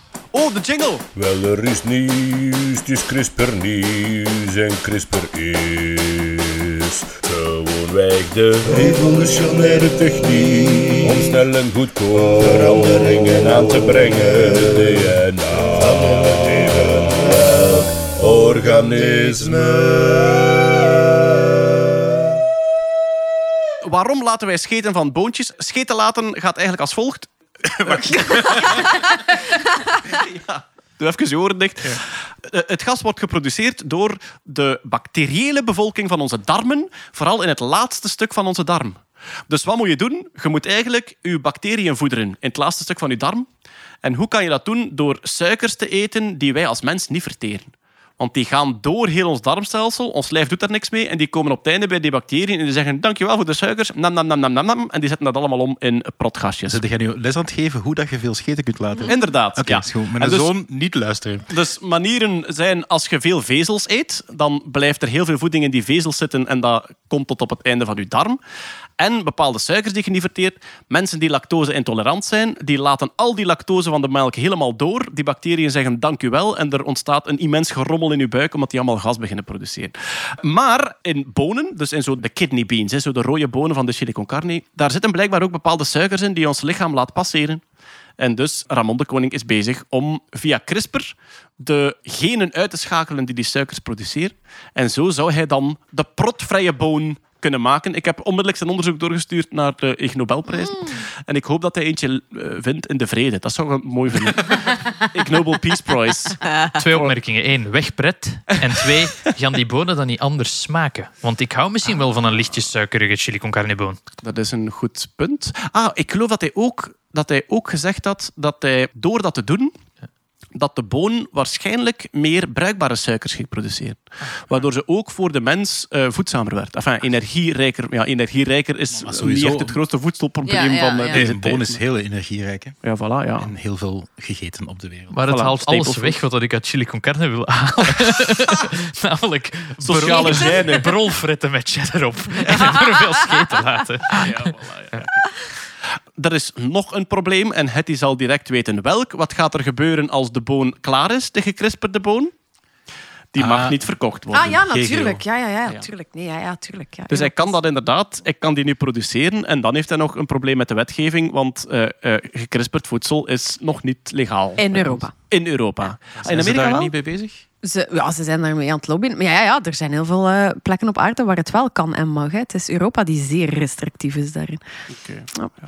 Even naar de ruimte. Hetty, eh, Artemis 1 is teruggeland. Ja, Dat is de Orion-capsule De dan? Orion. En ik, vind dat, ik wist het niet, maar eh, Orion is blijkbaar de enige waar in de Griekse mythologie dan, waar Artemis ooit verliefd op geweest is. Oh, dus, kijk dus ik vind dat wel tof dat die allemaal Verhaaltje zo... Ja, dat die, voilà, voilà. ja, was gelanceerd met die SLS, eh, Ja. eh, Space, Space Launch System, die, die fantastisch oranje raket van de NASA. Heeft, eh, denk ik, een dag of 26 rond de maan gedraaid. Dus Onbemande missie, Ja. maar wel met een capsule die bedoeld is voor bemanning. Ja. En ook geen effectieve maanlanding, hè, maar er gewoon, eh, ik denk, twee scheervluchten gedaan en dan teruggekeerd. En nu veilig en wel in de oceaan eh, neergeplonst met succes. En ja, dat was echt wel ook de, de missie om te testen van eh, houdt dat hitteschild het, want Ja. worden enorme temperaturen. Ze hebben ook zo een, een soort nieuwe manier om de re-entry te doen. Het is een soort botsing. Die capsule botst Ah, eerst ja. even op de atmosfeer. Ah, wel, eigenlijk Gaat kun je dan- dat afketsen op de atmosfeer. Ja. Kun je best uitleggen met keilen. Hè. Dus Ja. als je in een te scherpe hoek de atmosfeer binnenkomt, dan wordt het terug naar buiten geduwd. Keilen zoals is zo steentjes over water. Ja, ja, inderdaad. Ja, ja, Ja. ja. Eh, en dat was ook een test van, van dat. En is allemaal blijkbaar zeer goed verlopen. Dus ja. Maar dat was toch ook, er zaten toch twee dummies in Ja, heel sensoren. Hè? Ja, Ja, dus die gaan ze nu allemaal kunnen uitlezen. Voilà, gaan ze die data nu uitlezen. En dat is herbruikbaar, dat, dat is het hele punt, hè, of niet? Eh, Dat is een goede vraag. Het- is, het is niet dat de Orion-capsule dat ze SpaceX achterna willen doen. En, en, Dat is een heel goede vraag. Ik weet De het eigenlijk niet. wel Wat ik wel weet, is de Sturvis-module die daaraan hing, die door de ESA ontwikkeld is, de Europese Ruimtevaartorganisatie, die is opgebrand in de atmosfeer. Dus die gaan voor elke missie wel een nieuwe Ja. Sturvis-module... gedeeltelijk herbruikbaar ja. staat er op Wikipedia. Dus ja, het, zal, Ja. het is niet, niet pluk hem uit de zee en we zijn terug weg. Ja. Trouwens, de ESA die een beetje in de problemen zitten met een mislukte lancering. Is dat zo? Ja, die hebben een eh, nieuwe raket. eh, de Vega, denk ik. De ESA heeft een, heeft een nieuwe draagraket in ontwikkeling. Ze hebben daar een geslaagde testlancering mee gedaan. En er is nu een commerciële lancering waarbij het misgegaan is. De, de tweede trap was niet krachtig genoeg, opgebrand in de atmosfeer. Peperdure satelliet verloren. Meen je het? Ja. de Vega C-raket. Voilà, eh, Vega C is wel handig, omdat je kunt die ook omdraaien in alle richtingen en die past toch in een USB. eh, heel ver gezocht. eh, Wauw. heel ver gezocht hem op. Ja, voilà, dus die is mislukt. En ESA zit nu wat in de problemen, omdat zij een hele hoop klanten moeten afzeggen. Eh, die al gepland stonden, maar ze moeten eerst ontdekken wat er misliep. Waarschijnlijk, als het opgelost is, verwacht ik een nieuwe testlancering. Dat ze niet onmiddellijk terug payload gaan insteken. En nu begint de enorme juridische kluwen met de verzekering. Die dingen zijn verzekerd, maar dat gaat over 200 miljoen euro, denk ik, de, de waarde van die satelliet. Ten eerste moet eruit geraken, betaalt de verzekering of kunnen ze het verhalen op iemand die iets fout gedaan heeft. Het is een Italiaans bedrijf waarschijnlijk dat het, eh, dat het geleverd heeft. En daarna is de vraag, worden de verzekeringen veel duurder voor lanceringen met die Vega-raket? Wat ook weer een probleem is. Veel van hun klanten gaan uitwijken naar SpaceX. En ja, dat, dat is vervelend natuurlijk, hè, omdat je wilt, als, eh, je wilt ook een Europese betrouwbare raket aanbieden. En dat heeft nu een stevige knauw Amai. Ja. Alright, over knauwen in vertrouwen gaan we nu naar de stad Antwerpen. Ah ja. Want... ja, Mooi wel, brugje, prachtig. prachtig. eh, knauwen in vertrouwen. Ik heb zelfs gerijmd en ik ben niet eens een AI-systeem. Kurt, er was een hekske in Antwerpen. Alweer heel breed in het nieuws geweest, maar zeg eens wat er precies eh, gebeurd is. Maar dat weet niemand natuurlijk wat er exact gebeurd is. Want Ja, is- lap! Oké, volgend onderwerp. Maar er zijn vermoedens. Ai, Zo, Niemand weet wat er gebeurd is, maar het is opgelost, oké? Laat, ons, laat ons eerst uitleggen wat dat ransomware is, want dat is Ah, wat dat er kan gebeurd is. Ransomware is malware, dus slechte software die je systeem infecteert. En wat dat basically eh, doet, is dat encrypteert al je bestanden, dus versleutelt ze. Je kunt nergens meer aan. Je kunt nergens meer aan en dat laat een klein berichtje achter op je bureaublad of en ergens anders waar je het gemakkelijk vindt. Dat zegt van, haha, al je bestanden zijn versleuteld. Als je de decryptiesleutel wilt, dan stort je zoveel bitcoin op dit adres. Geen politie. Ehm Dus eigenlijk- Groetjes, Jeroen de Hacker. Ransomware is gijzelsoftware, Gijzelsoftware, omdat je eigenlijk al je bestanden onbruikbaar gemaakt hebt en je gijzelt die en je zegt ik kan ze terug bruikbaar maken, maar dat kost je zoveel poen. ja. Of wat dat er bij Antwerpen was, als je niet op tijd betaalt, gooien we het op het web. Ja, dat is de, de, dubbele, de dubbele dingen dat ze nu. Dus ze zeggen van, eh, oké, als je bestanden zelf terug wilt lezen, betaalt je. En als je dan nog eens betaalt, dan zetten we ze ook niet op het internet. Want op het internet zetten, ja, als dat gaat over mijn Excel-sheet van wie regelt er wat voor het kerstfeest, dan denk ik, doe maar. Maar als dat gaat over eh, informatie van ja. uw burgers, van de, van de stad de- Antwerpen... En dat is inderdaad heel, helemaal niet duidelijk. Daar wordt heel eh, vaag over gecommuniceerd van wat dat ze allemaal juist te weten zijn gekomen. Want het was wel all over the place. Eigenlijk heel de administratie van Antwerpen, zowel politie als gemeente als eh, ja, burgerlijke profielen en dergelijke, lag allemaal plat. En wie zijn ze? Dat weten ze niet. Ah, het was, Misschien het was even wel een- de groep Play. Een, eh, een, een, concreet voor, een concreet voorbeeldje. Een paar collega's gingen optreden in theaterzalen die verbonden waren aan de stad. Die kwamen toe en die vroegen dan hoeveel volk komt er? Weten we niet meer. Ja, nee, ja. Ehm, dus mensen kwamen toe met een kaartje en de mensen van het theater moesten zeggen ja, het zal wel juist zijn, kom maar binnen. Want het Ja. hele ticketingsysteem, de controle en zo, Ja, ik zit allemaal... nu ook bij ja, de Mintjes voor haar eindejaarsconferentie. Dat ze af en toe zegt, ja, voor deze show in Antwerpen kun je online nog geen tickets kopen, maar je moet een mail sturen met een formulier naar... Ja, het is echt... Stuur een gele Ja. briefkaart. Ja, maar het was zelfs zo dat bijvoorbeeld bij het fotomuseum, en de mensen daar, die hadden een computer en daarnaast een printer en die konden niet meer printen. Dat soort dingen. Of, ehm, ja, ik heb een auto die de stad Antwerpen niet meer binnen mocht. En ik denk dat die wel even nog binnen mocht. Ga ja, heel de lijst van... Ja. Kurt heeft een motief.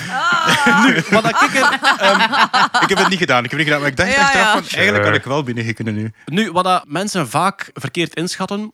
eh, veel mensen hebben het nieuws gehoord Ja. en die dachten aan een, eh, een 15-jarig mannetje in een hoodie Ja. die van achter Ah, zijn computer dat ding gekraakt Voilà. heeft. Het ziet er Dat is compleet het niet. anders uit. Dat is het niet. En dat is het wel. En je weet het nooit 100% zeker, maar er verschijnen uiteraard heel veel artikels over dat soort georganiseerde misdaad, want dat is het keihard. Ehm, van die één organisatie, want zo de Play Group heeft het opgeëist. Ah, die hebben eigenlijk de ransom uitgeschreven. Van, Dat is van SBS, denk ik, hè, de Play. eh, eh, Play 5 was dit. Maar Als je betaalt, is het Play Go. Play Max, dat is dan een, een eh, Pax Media. Nee, het was niet alleen Play, maar dat is zo de, de, de laatste schakel. Wat dat wel duidelijk en duidelijk wordt, is dat dat niet een eenmansbedrijf is. Dat zijn eigenlijk verschillende groeperingen die dat elk hun eigen expertise hebben. Nationaal of internationaal? Internationaal waarschijnlijk. Ja, En ja. die dan dat met komt niet uit elkaar... België. Nee? Nee? dat- nee. Nee, nee, je hebt bijvoorbeeld, je hebt bijvoorbeeld gespecialiseerd in het infiltration. En dat wil zeggen, eh, eigenlijk heel simpel, waarschijnlijk heeft er iemand op een phishing mail geklikt. En hebben ze die persoon haar of zijn wachtwoord bemachtigd. phishing mail. Dus een, een e-mail die lijkt alsof die verwijst naar uw account. Maar dus wat doe ik? Ik maak bijvoorbeeld, eh, ja, ik maak uw ehm, account op Telenet. Ik maak heel die website gewoon na. En ik maak een, een websiteadres en dat is TT-net bijvoorbeeld. Ik stuur u een mail. Oei, er is iets mis met je wachtwoord. Klik op deze link en voer het opnieuw in. Jij voert het opnieuw in en ik weet uw wachtwoord, dus ik kan uw Of zoals in de coronatijd. eh, een, pakje van Bpost eh, zit vast. Eh, iedereen heeft in de coronatijd keiveel shit besteld. Ja. Dus je bent Ja. geneigd om erop te klikken. Voilà. En zeker als die persoon dan nog een keer VPN-toegang heeft, dan kunnen ze met dat één wachtwoord die computer overnemen van buitenaf. En Wat daar is. VPN-toegang? VPN wil zeggen dat je eigenlijk eh, virtual private networking kunt toepassen. wil zeggen dat je het, het, het netwerk van het bedrijf van thuis uit daar toch op een manier naartoe kunt gaan. Dat is een van de toepassingen. De- eh, iemand- iedereen kent die- VPN bijvoorbeeld ook van, dan kan ik Amerikaanse films Ja, ja. kijken als ik in Amerika ben. Eigenlijk Maar normaal gezien, als je, als je fysiek op je bedrijf zit, dan zijn er een hele hoop bestanden die je enkel daar kunt raadplegen. Maar met thuiswerk kun je zeggen, ik mag van bij mij thuis een beveiligd linkje hebben, alsof het lijkt dat ik daar zit. Maar als een eh, Russische hacker daaraan kan, dan kan Dan die, kan die vanuit Sint-Petersburg doen alsof Ja. die in uw bureau zit. Eigenlijk is het, is het een, een virtuele tunnel die dat je maakt. Eigenlijk alsof dat je met je computer thuis ook op het bedrijfsnetwerk zit. Maar ja, als je je logingegevens, als je die per ongeluk weggegeven hebt. En dat is stap één. Dus eigenlijk, eigenlijk controle tot één computer. Of meerdere, of twee of drie. En dan begint de volgende stap. Dan beginnen ze daar op die computer te analyseren, mogelijk software op te installeren. Maar ja, niet iedereen kan dat, want je hebt een administratorwachtwoord nodig. Nu, dat staat waarschijnlijk ook wel gehashed op die computer. En er bestaat software om het lokale administratorwachtwoord toch terug binnen te halen. Stap twee is, ze hebben controle over die ene computer en ze kunnen daar van alles op installeren wat ze willen. En nu, ter verduidelijking, dat is niet meer dezelfde persoon. Dat is- de, ja, de voilà, eerste, exact, ja. de eerste persoon, of zelfs de eerste groep, die doet maar één ding. Die stuurt phishing mails naar zoveel mogelijk mensen. En overal waar dat die beet heeft, zegt hij te koop. Ja. Te koop, te koop, te koop. Die bieden- En er is een ander bedrijf dat zegt, boeiend, kunnen we wel iets mee? Wij kopen daar. Dus en dan gaan daarmee ik het voor. moeilijk vind om het over een aanval te hebben. Het is Ah, ja. eerder een soort van infectie. Want aanval, dan denkt iedereen Ja. van iemand heeft zich in een kamer gezet en gezegd nu gaan we stad Nee, is- liggen hebben. Nee. Absoluut niet. Ja. Het, is, het is echt een business van we gooien heel veel hengeltjes uit. Ja. En wat daar binnenkomt, daar, dat verkopen aan de volgende partij die dat gespecialiseerd is in het proberen te decrypteren van dat wachtwoord, in proberen de juiste software op die ene computer te zetten, die dan eigenlijk het netwerk begint te scannen. En probeert andere vulnerabilities, want ja, iedereen kent het principe van, van een computer dat je er updates op moet doen. Er is altijd een race tussen, er is mogelijk een security lek in een computer en niet alle computers zijn geüpdate. En er zijn zelfs lekken die dan nog niet bekend zijn, die ook verkocht worden op de zwarte markt door bedrijf 3. En daar dan exploits. Exploits is eigenlijk een stukje software dat gaat dat lek gaan misbruiken om dan dingen te doen die dat ze eigenlijk niet zouden mogen kunnen doen. En dus eigenlijk scanners zijn stukken software die daar binnen het netwerk, bijvoorbeeld de printer of een andere server of een backup server, gaan proberen te kijken welke versie draaide jij. Ah ja, maar wacht, dat is niet de laatste versie. Ah ja, dit zijn de exploits die ik kan gebruiken. Oké, baf, ik ga een aanval doen. En ze verspreiden zichzelf binnen het bedrijf eigenlijk malware, wormgewijs, binnen het bedrijf andere dingen en meer en meer dingen worden overgenomen. En een keer dat die dan... eh, Dus eh, ze, hebben, ze hebben toegang gekocht van het eerste bedrijf. Zij zijn gespecialiseerd in... We, gaan, we zitten nu binnen en we scannen alles. Ja. Wat draait er op die computer? En bestaan er mogelijkheden om hiermee binnen te breken die ze nog niet geüpdate hebben. En als ze die gevonden hebben, dan verkopen ze weer door. Dan komt bedrijf 3 of bedrijf 4, ah ja, of organisatie 3 of 4. En bijvoorbeeld, er zijn organisaties gespecialiseerd in het aanvallen van backup systemen. Omdat dat eigenlijk, zeker in een ransomware aanval, je wilt zorgen dat de backups ook niet bruikbaar zijn. Ah ja, dus als je... Ja, ja, ja, oké. Dus ja, je kijkt eigenlijk naar alle backups, want die wilde, je, je wilde eigenlijk zeker zijn, als ik alles versleutel, Ja. dat ze niet kunnen zeggen, geen probleem, we hebben een backup. Alles versleutelen is altijd de laatste stap van zo'n... ja, ja, eh, maar en dan zitten ze waarschijnlijk al, eigenlijk al maanden binnen Ja, in uw absoluut. Ja, dit is, een, het is een periode van weken, maanden dat, dat ze binnen zijn. Ehm, omdat, ja, je moet wel zorgen dat je nog niet opvalt. Tuurlijk, Want je ja, moet ja, ja. obfuscaten, je moet zorgen dat, dat alles wat je doet, dat dat binnen bepaalde protocollen, dat je niet warnings en triggers laat afgaan. Ehm, en dan heb je de laatste stap, is dan de exfiltration. Is, ze hebben dan die data bemachtigd, want ze hebben al exploits. Hè, dat het volgende bedrijf dat eigenlijk een volledige toegang tot een botnetwerk is dat dan eigenlijk op den duur, dat je een volledig netwerk overgenomen hebt en dat je overal aan kunt van buitenaf. Die dat dan op een onopvallende manier al die data nog een keer buiten moeten krijgen. Want dat gaat over gigabytes aan data. In principe, als uw netwerk ineens naar een bepaalde FTP-server ineens heel veel data stuurt, dat zou wat alarmen moeten laten afgaan. Dus dat is in stukjes, dat is in kleine stukjes soms. Maar dat, mail- dat vroeg ik mij af. Daar, daar moet toch detectiesoftware voor bestaan die dat ziet dat dat gebeurt? Dat gebeurt, die bestaat uiteraard met kat en muis tot gevolg. Dat je Ah, ja. natuurlijk software hebt om dan in kleine datapakketjes, of dat die persoon ineens begint mails te sturen met een bijlage van 2 megabyte. Of om data, bepaald- er, data er te laten uitzien als een Zoom-gesprek of als een, als een Skype-gesprek. Ik heb ooit een keer een, een lezing van zo ehm, eh, OWASP, dat is eh, een, een organisatie, Open Web Application Security Project, die heel hard bezig zijn met beveiliging en consulting en zo, van een, een, een ex-hacker die dat dan geturned was naar de white side of de... ehm, en die eh, zei van, kijk, we hebben een hack geschreven en eigenlijk om de data buiten te krijgen, eh, eh, vielen wij gewoon printers aan en wij printen gewoon die data in rare tekentjes uit.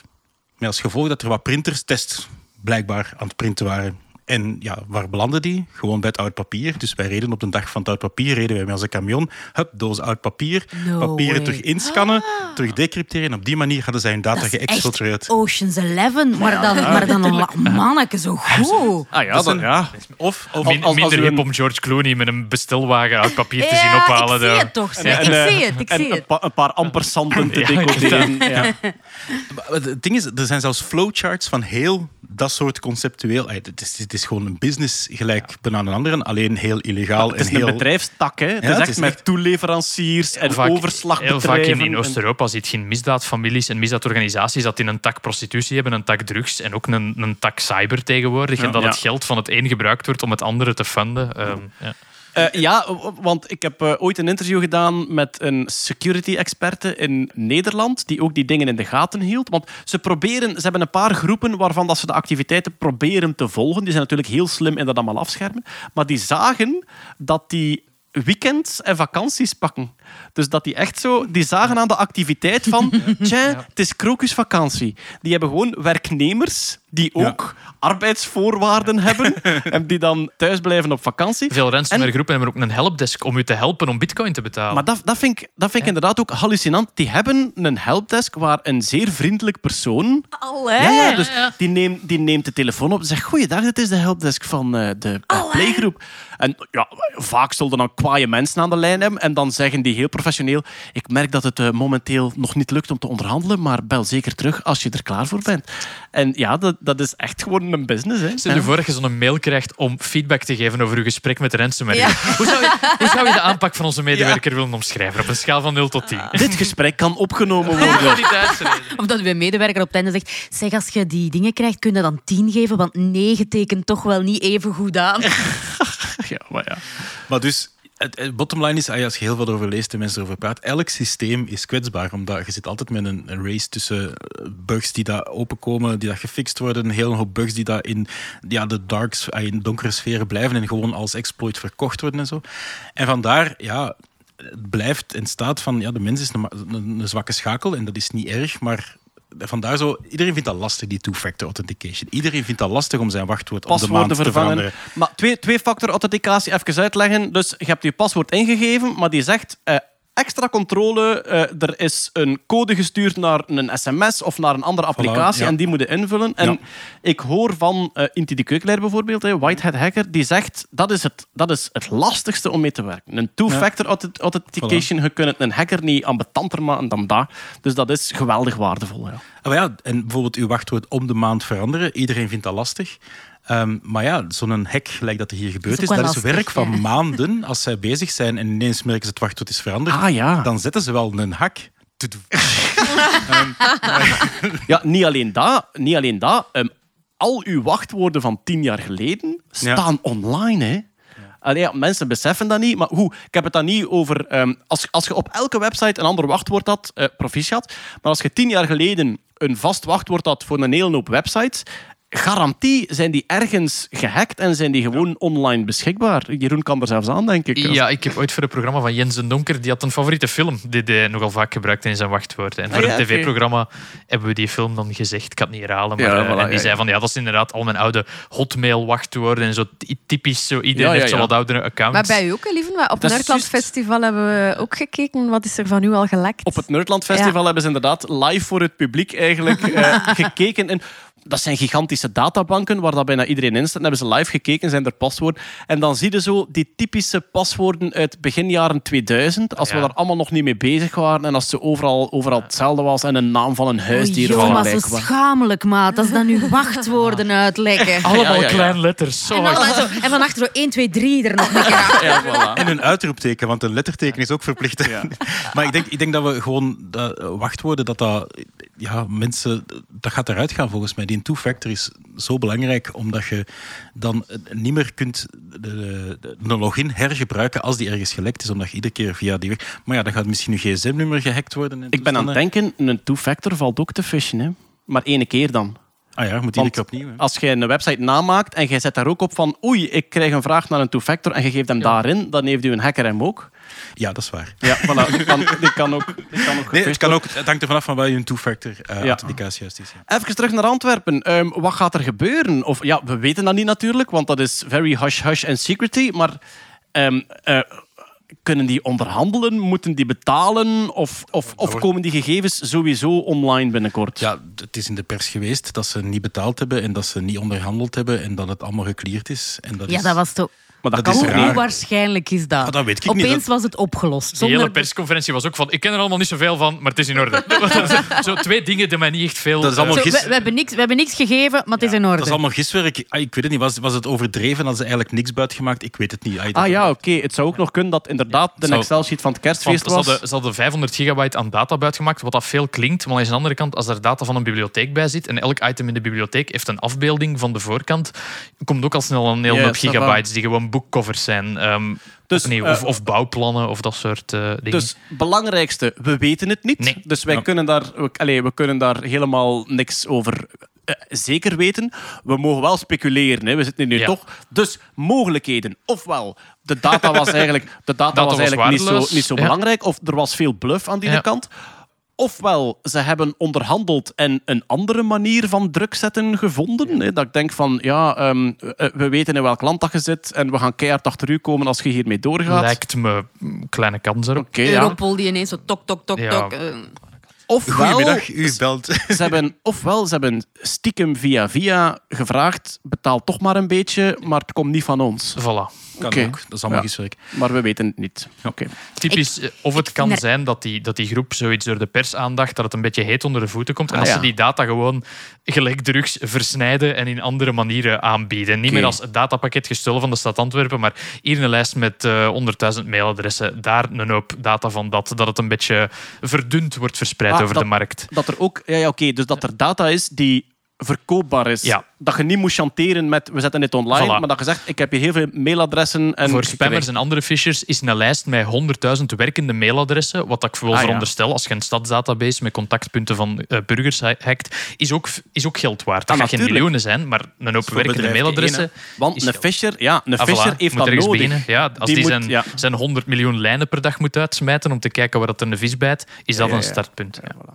Oké, ja, het is. eh, Ik een- vind er echt een gangsterfilm in zitten. Oh, maar dat is zeker. Ik, ik vind... Ja, dat is zeker. Maar er zijn al, er zijn al zo'n paar IT-hacker-films gemaakt. Alleen, je zit veel naar het scherm te kijken. En dat zijn altijd groene letters op een zwart scherm. En daar worden programmeurs kwaad Typ- van. Typisch in de film Swordfish, waarin Antonio Banderas Ja. een hacker is en dat hij zo heel intens naar een ronddraaiende groene kubus op een scherm moet, eh, Ja, ja. Moet, moet kijken en draaien. En dat is Nu een- we, nu we het toch over reeks hebben, Mr. Robot is wat dat ik de meest betrouwbare... Maar dat is, een, eh, dat is niet vergelijkbaar met dit, maar Mr. Robot is een hele goede reeks als het gaat over dat alles op een manier klopt van iemand alleen. Fictie? Die Fictie, ja. En, Die, klein- eh, drie seizoenen, denk ik, of vier Op seizoenen. maar welk Kurt- platform?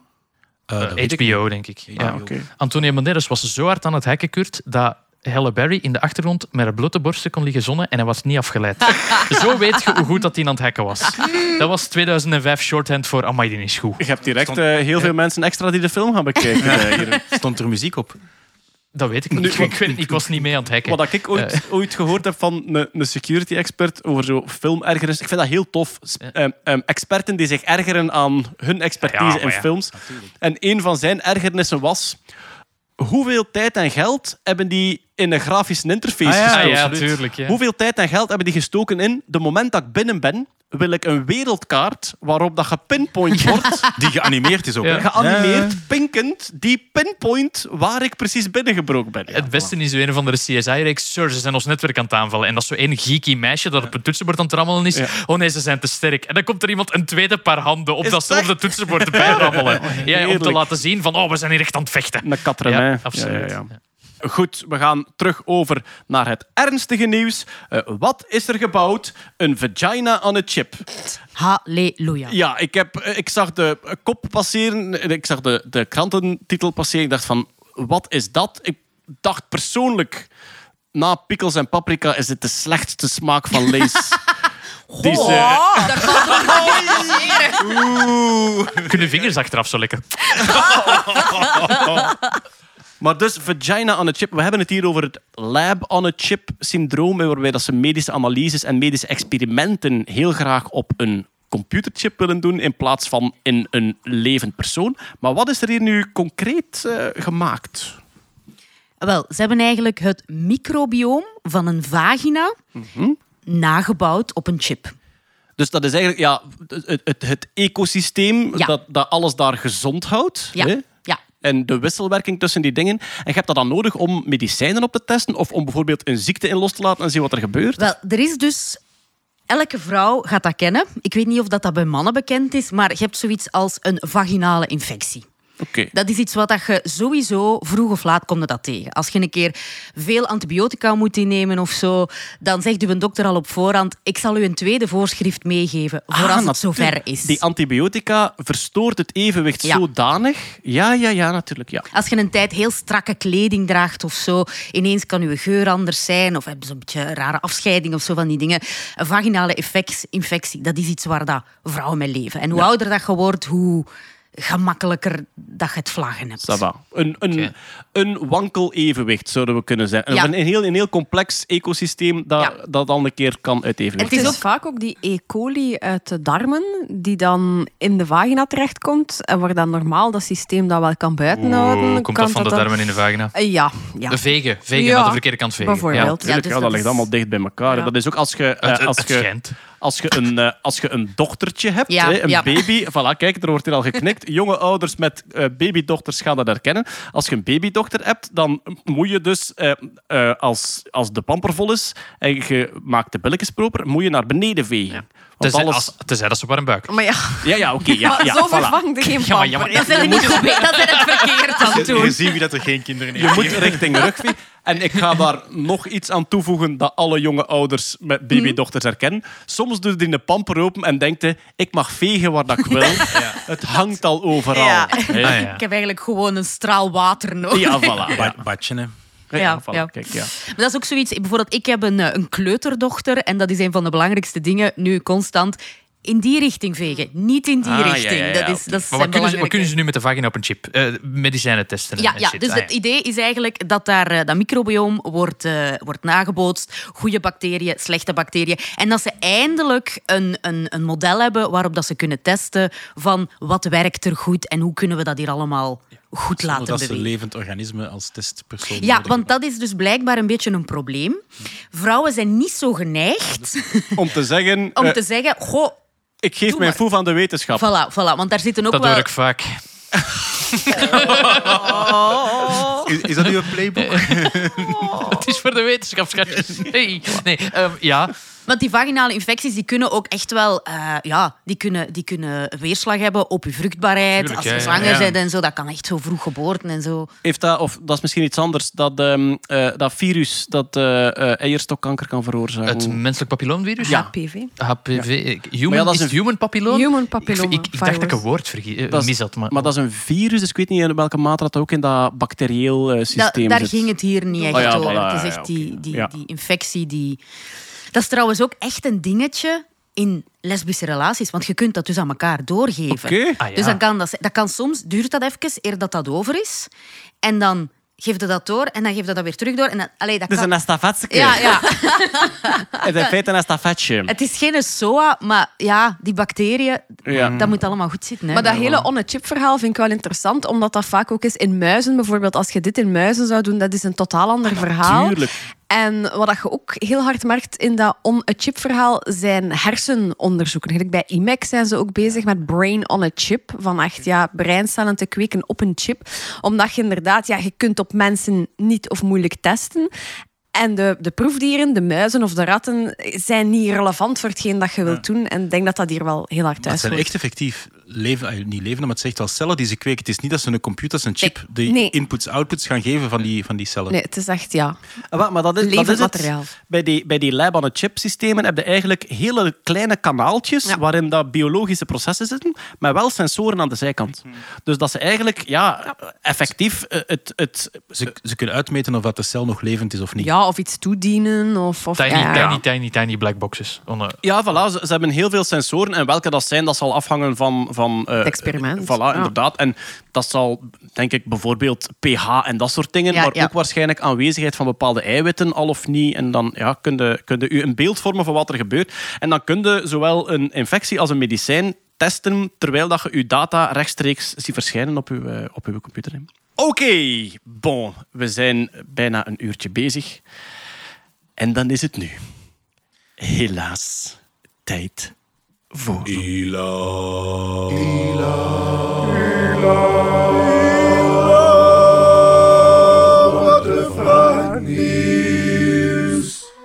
Ja, het musknieuws van Ja. deze maand. Where to start, where to fucking start. Ehm, Het loopt ook allemaal in elkaar over. Ik weet niet meer wat dat hem deze maand fout gedaan heeft en wat de maand ervoor. Ik, ik- Goh. het is één grote potpourri van ik, heb een, slechte eh, beslissingen. ik heb een lijstje in mijn hoofd. Voor de mensen die het niet volgen, want we onderschatten soms hoe, Ja. hoe Twitter ook een beetje een microcosmos is.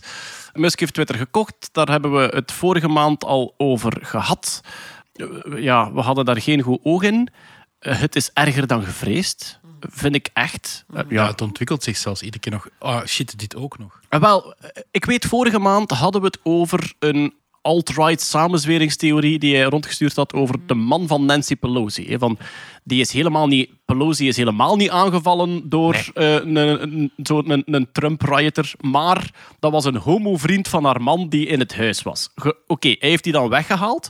Ik vond dat toen het pijnlijkste wat hij ooit al gedaan had.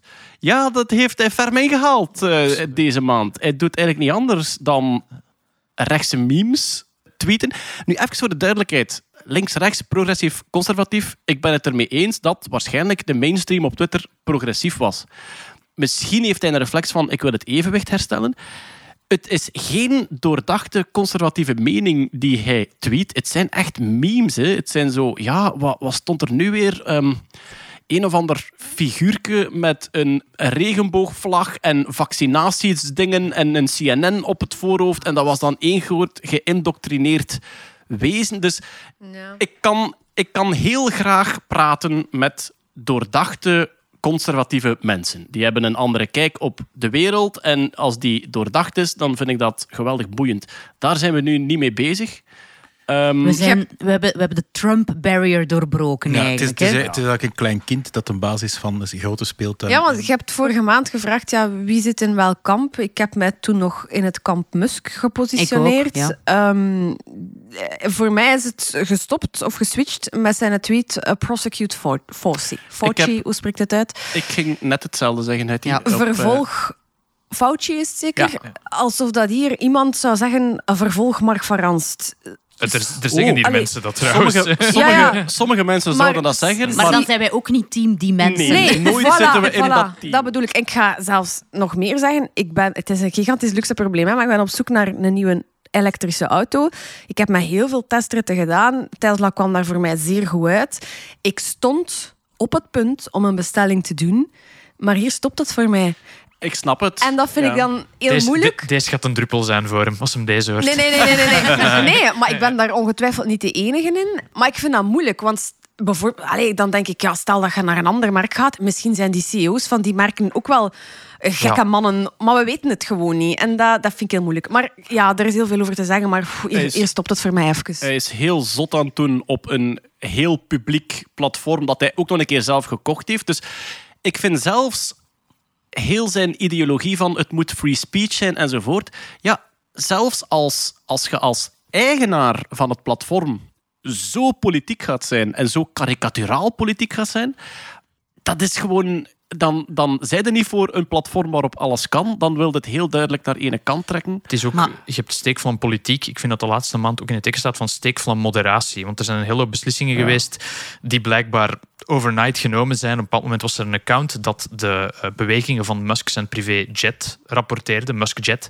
Waarvan Eh, hij bij de overname van Twitter gezegd had: Ik ben voor free speech, dus zelf dat account Ja. waar hij al lang tegen vecht, zal Ja. blijven bestaan. Een account dat gewoon publieke data, elk vliegtuig over de wereld heeft een tracker, transponder.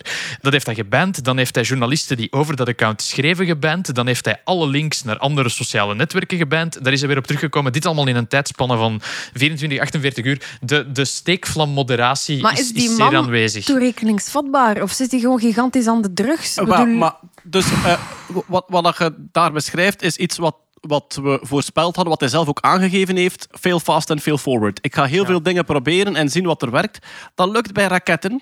Dat lukt niet met sociale media. Maar ook, goed, misschien om te beginnen, de tweet die je net aanhaalt, Hetty is verstuurd op 11 december om 11 uur 58. Waarom weet ik dat? Dus S'nachts of s'middags? prosecute Fauci, is middags. Dus prosecute Fauci. Het was erger, hè. het was my pronouns or prosecute Ja, Fauci. ja, Want ja. Ja, ja, ja. Dan kan, hem, dan kan hem er nog even een groep bij. Ja, Ja, ja, ja. en Trans hij moest, staat erbij hij moest ook. nog wat, Het is nog wat alt-right, alt-right karikaturaal doen ook. Dus eh, vervolg Fauci. Ehm, sinds dat moment, 11 december, 11 uur 58, is Team Musk leeg. Hè? Dus ik Ja. Ben weg. Ah, wel, ik ook. Sindsdien is dat ja, iets dat echt weegt bijna. Omdat eh, heel mijn Team Musk-periode was geen leugen en was geen nee. dansje. Ik ben oprecht enthousiast over die technologieën en ik ben oprecht overtuigd van zijn bijdrage aan die technologieën in ruimte en elektrische auto's. Er was iemand die reageerde op hem. Een tweet reageerde... What is happening, Elon? This feels like losing a friend. En ik herkende dat wel. Die is onverdedigbaar geworden. Die zit in een soort conspiracy fuik waarvan dat je je afvraagt hoe kan iemand die op andere vlakken zo analytisch en rationeel is, daarin meegaan. Hij is op het WK in Qatar, stond hij daar met Jared Kushner zeker, eh, schoonzoon van Trump. En kijk, nu gaat het weer over ideologie, conservatief, progressief. Je kunt doordacht conservatief zijn, maar dat je je nu nog associeert met iemand uit de Trump-klan is voor mij rationeel niet te verklaren. Ik vind vooral een heel groot probleem. Hij is gewoon echt een pestkop. Hij, Ja, oké. hij, hij targetgroepen. En hij is echt een pestkop geworden die mensen op een heel persoonlijke manier heel slecht kan doen voelen. En dat...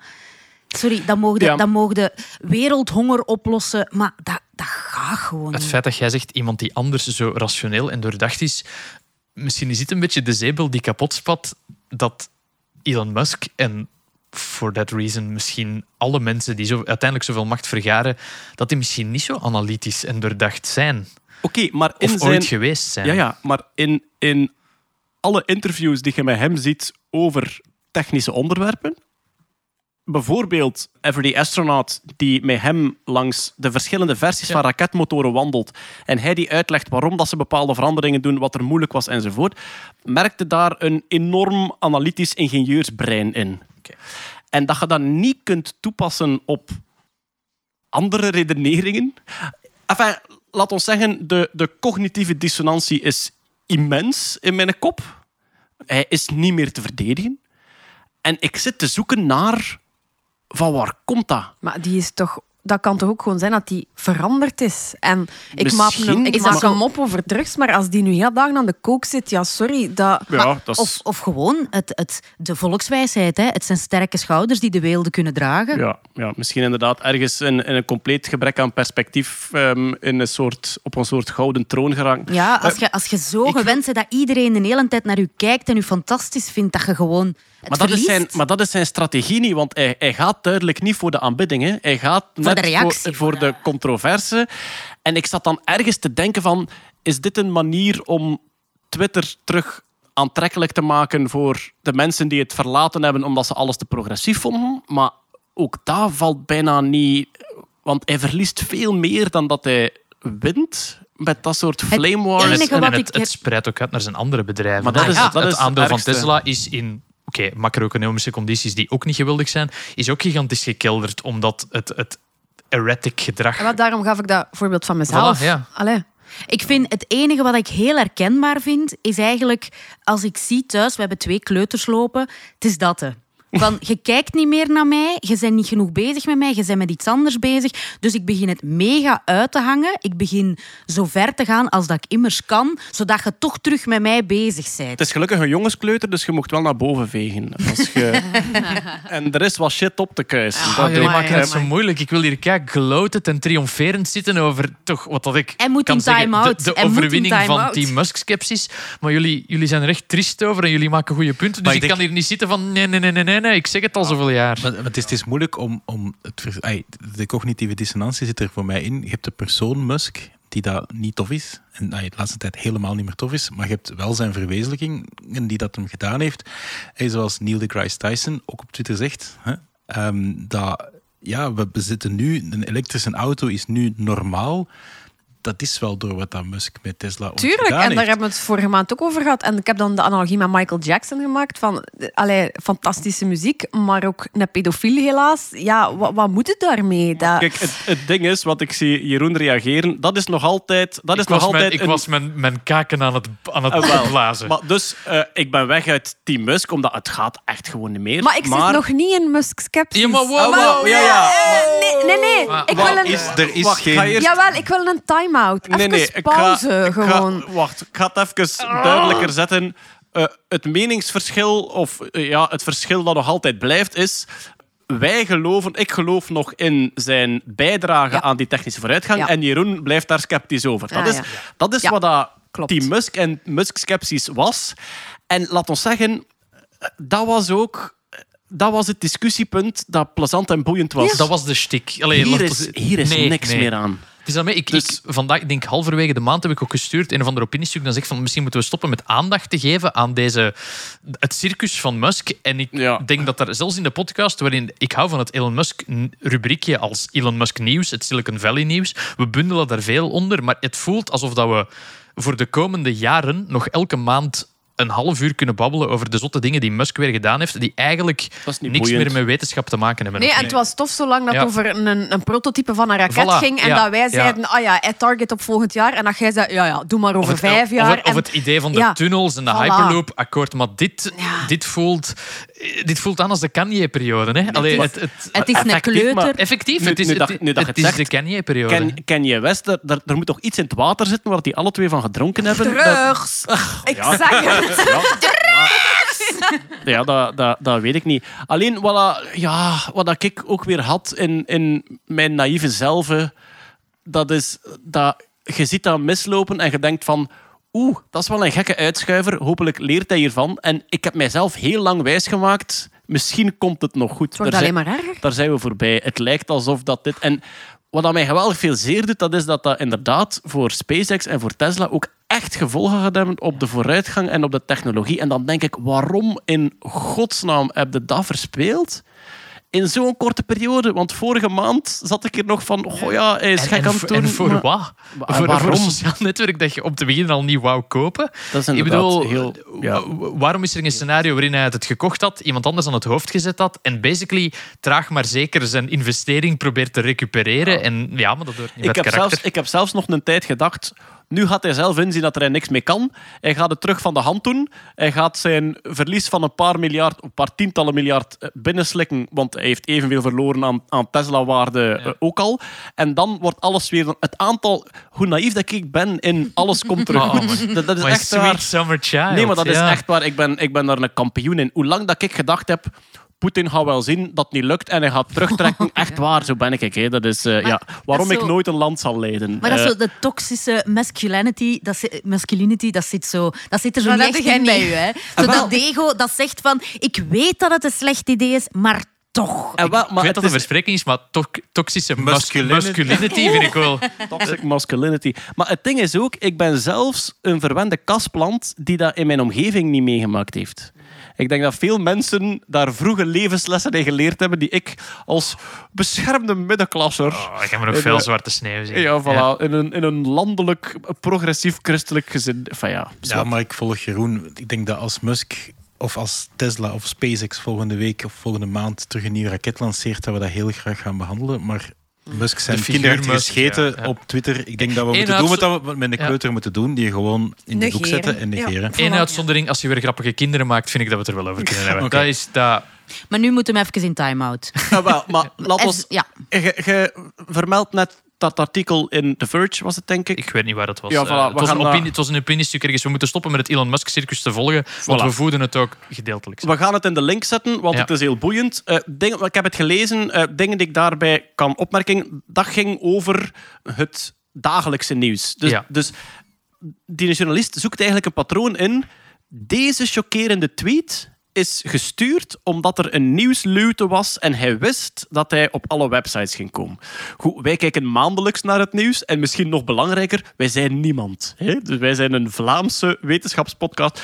De reden, denk ik, dat De vijfde grootste podcast van Vlaanderen, volgens Spotify voilà, 2020 kijk. gerapt. Maar Vijfde of derde? Ik weet het niet. De, de, Ah. de volksjury was nog Het valt te zien uit welke, uit welke hoek dat, je kijkt. Ja, Nee. maar eh, de reden waarom deze rubriek verdwijnt, is niet omdat wij enige invloed hebben op wat Musk doet of hem moeten op het strafbank. Allee, wie zijn wij om iemand actief te negeren die een wereldwijd bereik heeft? De reden dat deze rubriek verdwijnt, is het gaat nergens meer over. Het gaat niet meer over de technologie. Het gaat hem over onnozele streken. Er is geen Team Musk meer. Ik heb lang gedacht dat het wel Oh, ging Jeroen, terugkomen. Sorry, ik, ik, moet een was met mezelf aan het. Ik gezicht, was te hard aan het grijnzen. Ik, wil, Ja, ik ben echt een lelijke maar mens van binnen. Jij Ja. moog dat even. Jij moog dat even. Maar, dus, er is geen Team Musk meer. Ik heb mijzelf lang wijsgemaakt dat het misschien terugkomt. Het is daarom dat Time Out, daar kan ik zelfs niet over spreken, want ik zie niet in hoe. Als dat ooit hersteld wordt, pff, ik niet zien hoe, maar dan zien we dat dan wel. Wij gaan verder met een, een rubriek over de Silicon Valley Gorillas. Silicon Valley Gorillas, Oh, maar ja, ja. natuurlijk, ja. En, Silicon Valley Gorillas, ik zie Johnny Trash daar sowieso wel een zeer pakkende jingle bij maken. Ja, ja, voilà. Zijn beste gibbongeluiden, ja. Oké, ja. kijk, voilà. eh, dat was het. Hè. Eh, Musk en Twitter. Hij heeft wel gezegd dat hij gaat stoppen als CEO. Ook in een poll, waarvan dat hij dan Maar heel, ja. heel belangrijk doet over hoe democratisch het wel is, terwijl dat daar nergens op slaat. Het is een heel select publiek. Het zit vol met bots. Het, enfin, zwart. Stemde jij daarop? Want ik vind dat dan moeilijk. Van, Ik, heb eentje, ik heb op eentje gestemd. Ah, ik moet, ik, moet ik aanblijven als. CEO? Eh, Gewoon voor de sport heb ik, heb ik nee gezegd, omdat Ja. ik daar ook compleet van overtuigd maar ben. ik denk dat ik dat- wil daar ook niet in Ik heb, meegaan. het, ik Dus- heb met mijn persoonlijk account gestemd, maar de Nerdland-account heb, ik, eh, heb ik neutraal laten blijven. Ah, Kijk. voilà, Dus, eh, kijk. Goed, ehm, wij gaan het ehm, met eh, interesse en ehm, eh, ja, licht defetisme bl- blijven volgen, eh, het Twitter-gedoe, maar ja, zwart. Dus dat van die BMW, dat is waar. hè.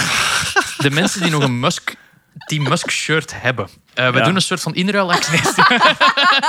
Ja, ze zijn uitverkocht. Ik vraag het me is niet een af. unicum. Het is een unicum. Vraag me niet af, Musk Skepsis t-shirt, er is vraag naar en terecht. De vraag is, ja, gaan we ze nog bijdrukken? Omdat Zeg, ja, En als we nu gewoon zo'n zo'n decal in de, in de webshop zetten, waar dat gewoon sceptisch op staat, dat je dat zelf bij op je Eronder t-shirt kunt Erop strijken. Is dat niet goed? Of zo'n terugroepactie, gelijk Ikea vaak doet. Van, er zit een productiefout in. Ja, we hebben een foutje gemaakt. ja. ik heb dan wel eh, eigenlijk het eerste item van deze rubriek die niet meer Musk-nieuws heet, maar waarin zijn bedrijven wel nog ter sprake komen. Want ik vind het heel jammer dat ik hier niet enthousiaster over kan zijn. De bemanning van de Dear Moon-reis is bekendgemaakt. Dus het Starship, wat nog in ontwikkeling is van SpaceX, gaat een reis rond de maan maken. Gekocht door een Japanse miljardair. En die heeft gezegd, ik neem kunstenaars mee. Ik neem gewoon Visionaire mee. ja, mee. Ja. zeven kunsten. Ja, visionair. De eerste naam die ik zag verschijnen was Steve Aoki. Dat ik dacht van, ça va wel. Ça wel. Toffe muziek, maar visionair, I don't know. Ja. Nog nooit iemand met een rubberboot over publiek gedenderd. voilà. kijk, ja. Maar eh, er staat van alles op. Er staan dansers op, fotografen, er zijn ook eh, schrijvers, denken. Dus hij wil echt gaan, eh, die, die miljonair, miljardair wil echt gaan voor mensen die die beleving gaan kunnen uitdrukken op een artistieke manier. Waar ben ik zeer enthousiast over? Tim Dodd gaat mee. En Tim Dodd is de YouTuber van Everyday Astronaut. Is een fantastisch deep dive kanaal. Dat echt uitleg geeft tot in de technische details hoe dat die raketten werken. Waarom is Tim Dodd geweldig? Omdat hij heel down to earth is en omdat hij barst van het oprechte enthousiasme. Als je Tim Dodd naar een lancering ziet kijken, dan, ja, dan hou je daarvan. Van hoe dat die dat beleeft en hoe geweldig het enthousiasme dat ik Steve Aoki niet meteen zie ten, ten berde spreiden. Maar ik kan me vergissen in de man. Ja, voilà. Kijk. Ja, maar dus Tim Dodd gaat mee en daar kijk ik wel geweldig naar uit. Moet- Een YouTuber, zo iemand die... Maar ik vind dat wel cool. Je, je maakt ja, een YouTube-kanaal over je grote passie en dan kunt je rond de maan vliegen. Dat is toch de max? En vooral, eh, ik denk twee jaar geleden, want we hebben hem al een paar keer vernoemd hier Ja. op de podcast. Ik denk twee jaar geleden had hij zijn allereerste interview aan een Starship zelf met Musk, die toen nog in onverdacht... Ja. Ja, met de Musk van toen. De gouden tijden. Ja. Ja. En die was uitgenodigd als YouTuber samen met tientallen anderen om te filmen bij de voorstelling van, ik denk, eh, Starship. En die had dus ook het voor elkaar gekregen dat hij, ik denk, een interview van een minuut en een half met Musk kreeg. Maar die begon keiharde, nerdy vragen over die motoren af te vuren, waardoor dat Musk enthousiast werd. Ah. En dat ging over aerospikes. En die, die, eh, Musk vroeg ze eens even, you know about aerospikes? En hij zei, yeah, of course. En dus even een korte uitleg. Hij had een t-shirt aan met een technisch schema van, van een Raptor-motor op. Dus die was echt zo aan, aan bonden met Musk even. En dat duurde een paar minuten, veel meer tijd dan dat hij gekregen had. En hoe Musk moest dan uiteraard weg naar, naar het volgende. En je ziet Tim Dodd zo naar zijn camera draaien en echt zo van wauw, this wauw. Dus voor hem, twee jaar geleden, was het voor hem iets ongelooflijk om live naar een SpaceX-raket te gaan Maar kijken. ja, en kijk nu. Een jaar later heeft Musk hem vernoemd in een andere podcast als als je iets wil snappen van raketmotoren moet je naar dit YouTube-kanaal kijken. En nog een jaar later staat hij geselecteerd voor een missie rond de maan. Dus echt zo, ja, living the science communicator dream zou je kunnen zeggen. Hè? Waar gaan wij eens enthousiast over doen? Eh, wacht ze. Ehm eh, Marsreizen. Amai, boeiend. Boeiend, boeiend, boeiend. Ik sta over een jaar, over een jaar Wombat-kakte 7 in Paradise. Like and subscribe, everyone. Like en subscribe op mijn kanaal. Oké, en dan nog één Silicon Valley nieuwsje. Apple moet USB-C aanbieden. Ik dacht dat dat al lang moest, of was dat alleen in Europa dat dat verplicht was? Het is een, een voorstel dat lang in ont- in ontwikkeling was in Europa, maar nu is het afgeklopt en moet het vanaf 2024, 2025 eh, moeten alle eh, toestellen in Europa opgeladen kunnen worden via een USB-C-poort. Voilà, en dus dan hebben we het de- over de kabeltjes- en connectorenoorlog, Yes. waarvan dat de technische bedrijven allemaal zeggen ja, maar wij ontwikkelen gewoon het beste voor ons machine, en waarvan dat veel sceptici zeggen jullie willen gewoon uw eigen brol kunnen verkopen, waardoor dat je geen universeel connector wilt, waardoor dat iedereen 3000 kabels in huis moet hebben. En dus alles op USB-C zou dat eh, moeten oplossen. Ah ja, dus dat is al een keer geprobeerd geweest. Met eh, micro-USB was de vorige standaard. Dat ze ooit vanuit het ding is. Maar dat is een probleem dat je daar gewoon eh, alleen maar 5 volt en te weinig ampère, dus te weinig stroom over kunt sturen, waardoor dat dingen veel te traag opladen. En dan heeft, het USB-consortium ehm, heeft dan eh, een nieuwe standaard gemaakt. Eigenlijk verschillende standaarden, want USB-C is ook een koepel over verschillende standaarden. Maar die dat eigenlijk variabel ehm, in voltage en in stroom kunnen leveren. En data? En data ook, ja. Eigenlijk is het afhankelijk van de USB-C, als je dat opendoet, heeft heel veel verschillende connectortjes. En afhankelijk van welke dat je aansluit, is dat een bepaald type kabel dat hij zich gaat doen, ofwel data ofwel stroom. Gaat hij een bepaald voltage, gaat hij een bepaalde spanning geven.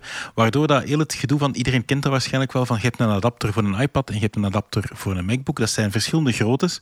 En er wordt gezegd dat je niet de ene voor de andere mocht gebruiken omdat het dan kapot gaat. Ik weet niet wat er van waar is. USB-C lost dat op, want die kabel die is slim genoeg om te weten zoveel stroom en zoveel spanning mag ik Er doorgeven. is een onderhandelingsprotocol over van hallo, ik ben daar, ik kan zoveel leveren. Hallo, ik ben daar, ik wil zoveel eh, ge- hebben. En je ligt er dan naast en je probeert te slapen en die Ja. liggen dan van ja, maar ja, hoeveel stroom moet je hebben? Dat kan ik niet leveren. Er is een XKCD-cartoon voor alles natuurlijk. En die waar ik nu aan denk is eh, twee mensen die ergens eh, in een vergadering zitten en iemand die zegt kijk, er zijn twaalf concurrerende standaarden voor dit technisch probleem. Daar moeten we iets aan doen. En een andere zegt dat is goed, wij gaan één overkoepelende standaard maken. En het volgende prentje is er zijn nu dertien Ja, ja, ja. concurrerende standaarden. The nice thing about standards is that there are so many to choose from. Ja, voilà. Ja. Oké, voilà, dat was het. In het Silicon Valley, we moeten nog een hippere naam En hypernaam. verzinnen. Ja, Ja, het go- Ik vind het gorilla, ik hou Gorilla gorilla. nieuws. Zoiets van, oh! In de, Gorilla. Silicon Zoo. in de veronderstelling dat alle Silicon Valley CEO's gorilla-gedrag vertonen, maar wel, ja. tot op heden is dat redelijk... Op de Silicon Eh, Circus. ja, die, die waar deze rubriek over ging, Voilà. dat Ja. waren de gorilla's. Ja. Hè? De, de, de Bezossen en, en de... Misschien moeten we ook een keer de niet-gorilla's gaan opzoeken. Ja, De voilà. chimpansee. De, de, de soft-spoken, sympathieke CEO's. Oei, amai, Nice. Hetty, wat doe jij hier Ja, tafel? Oh. De bonobo's moeten we dan zeggen. Want ik, heb, ik, ik, had, ik had toch even vernoemen, want het is er nog niet van gekomen. Ik heb het boek Anders gelezen van Frans de Waal. Frans de Waal is een Nederlandse eh, primatoloog die eerder al superboeiende boeken geschreven heeft. Dus die heeft heel zijn carrière gewerkt met chimpansees en bonobo's, wat onze twee dichtste familieleden zijn in de primatenwereld. Wat is daar het boeiende aan? De chimpansees, eh, chimpansees, se- shit, de, die ene apen. Eh, de chimpansees is een macho-cultuur, dus dat is echt een machtscultuur. En de bonobo's is een hippiecultuur.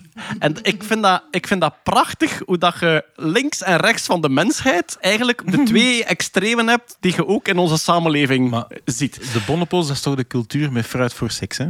Eh, ja. Ja, de, de, de bonobo's is eh, seks lost alles op. Dat is zelfs kleine ruzies oplossen, eh, burenruzies, even eh, frik frik erin eruit. Dat duurt ook meestal maar 10 seconden bij die bonobo's. Dat is echt ongelooflijk. Dus Israël en Palestina.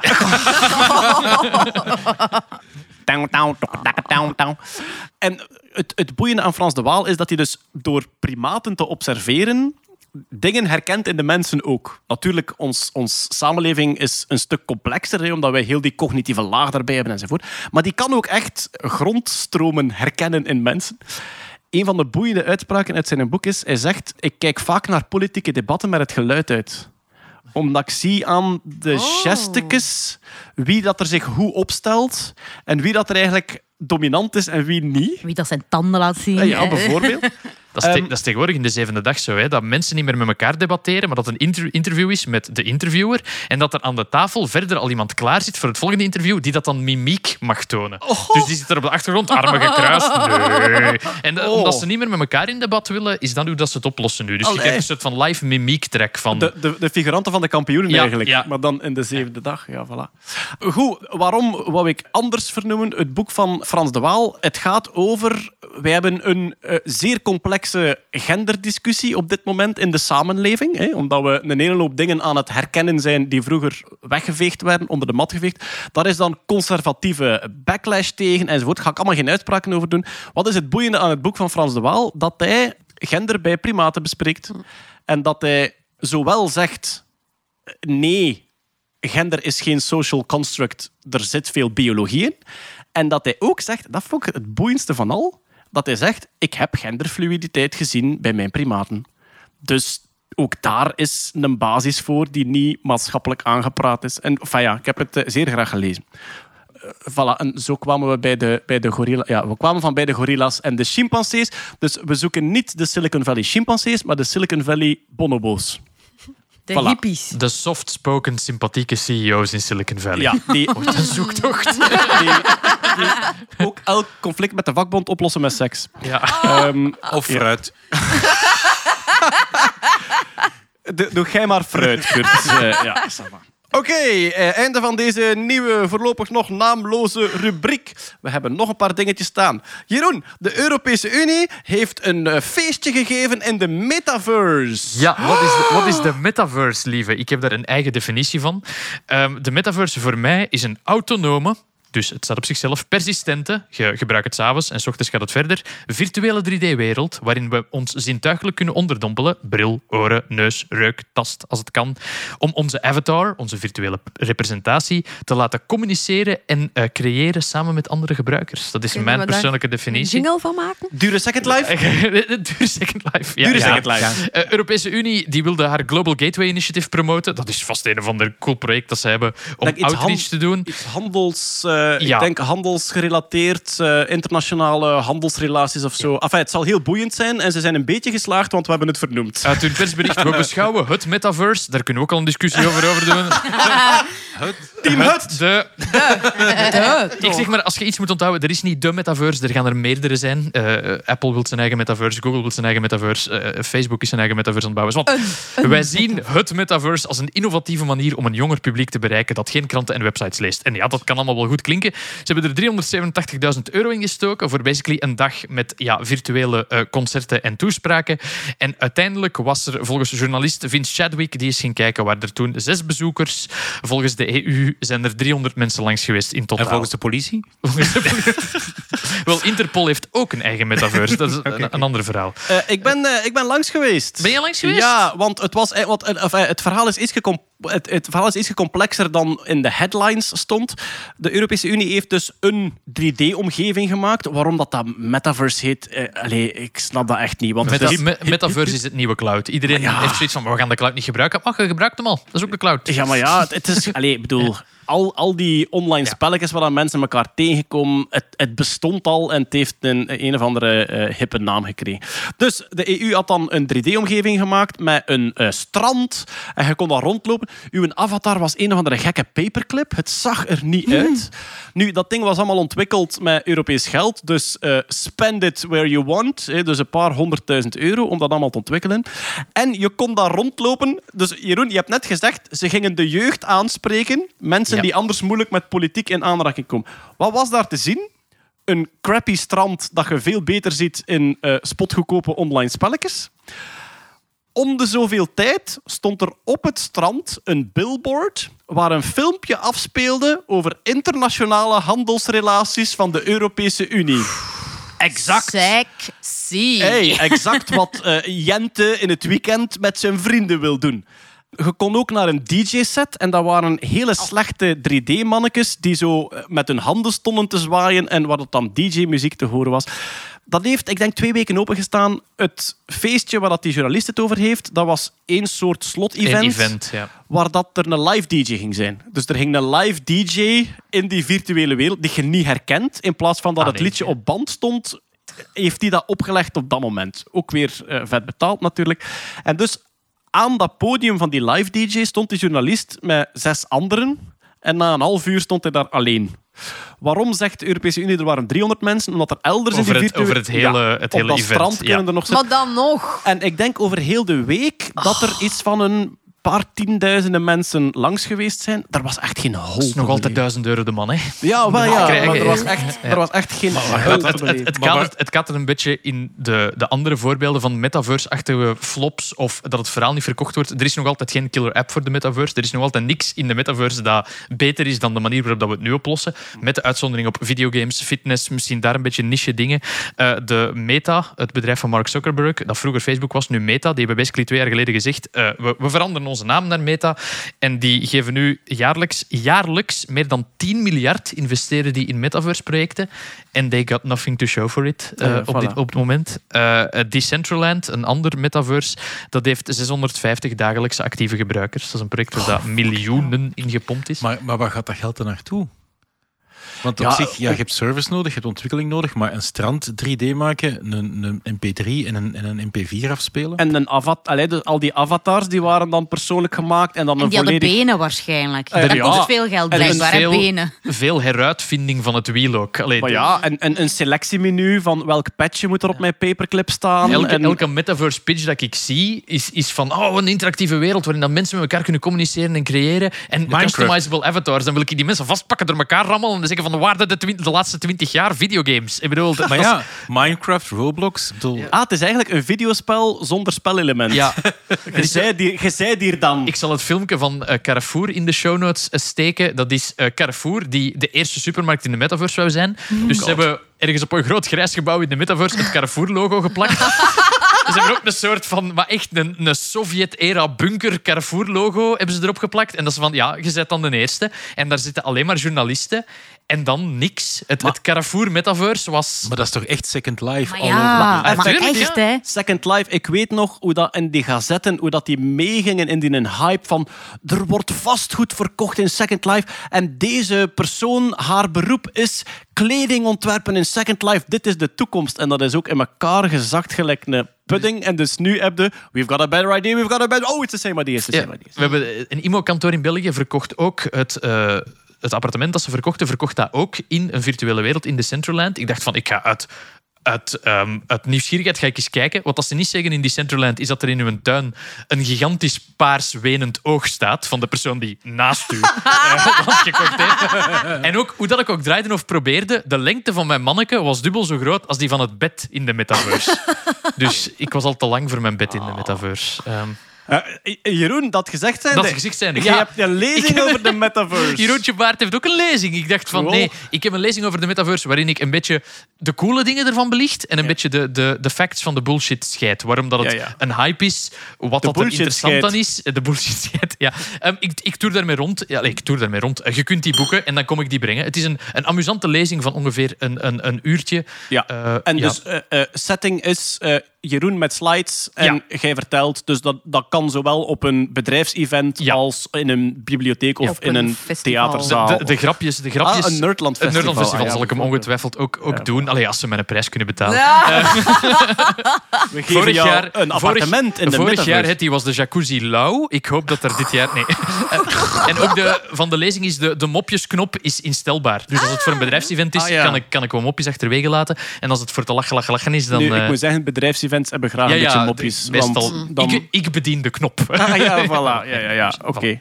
Maar eh, Jeroen, Jeroen-baard.be, daar kan je boeken. Jeroen-baard.be, dat is geen Ja. phishing website. hè? Nee, dat is geen phishing website. HTTPS? Of, Ja, eh, ik denk dat jeroenbaard.be in handen is van mijn, mijn nemesis, de burgemeester van Boom, die ook Jeroen Baard heet.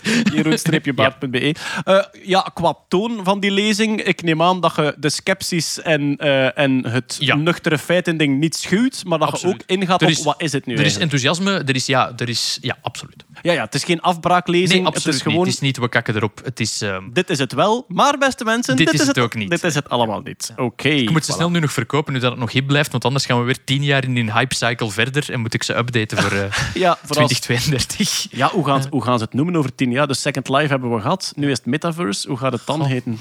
Ehm, virtual, Virtual Universe. VU. VU. Virtual VU, Universe. ja. Voilà, we hebben, al, we hebben al de nieuwe hype verzonnen. Ik zie op Ja. uw website ook dat de titel is Metaverses. Dus jij laat het lidwoord Ah, achterwege. metaverses, omdat ik vind, er, zijn, er, zijn, er gaan meerdere metaverses zijn. Dat is Ja. een van de, de key points van mijn lezing. Oh, Hetty. sorry, dat, eh, sorry, sorry. Als je, als je één ding onthoudt van de lezing, is dat je kunt terugkomen en pedant kunt doen tegen mensen van...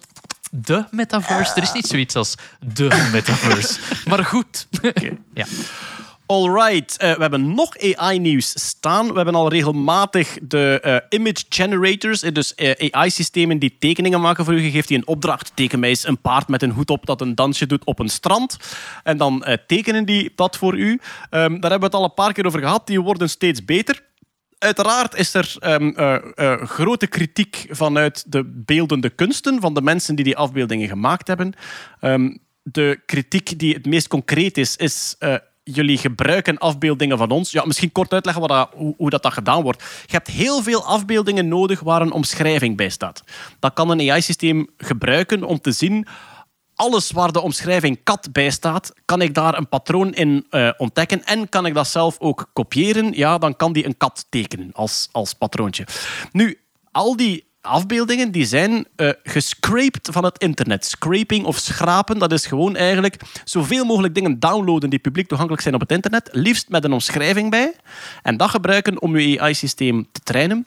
Het is een beetje alsof dat je alle kranten van de voorbije tien jaar zou komen en elke foto met onderschriften Voilà. zou uitknippen en dat gebruiken. Dus je kunt Inderdaad. dat volledig verfucken, dat systeem, door allemaal heel rare onderschriften bij foto's te beginnen zetten. Als Ja. meer dan de helft van de internetwebsites meedoet met dat spelletje, dan wel. Ah ja, oké. Maar ehm, dat, dat, dat, scraping, dat scraping is ontstaan in research en academisch onderzoek.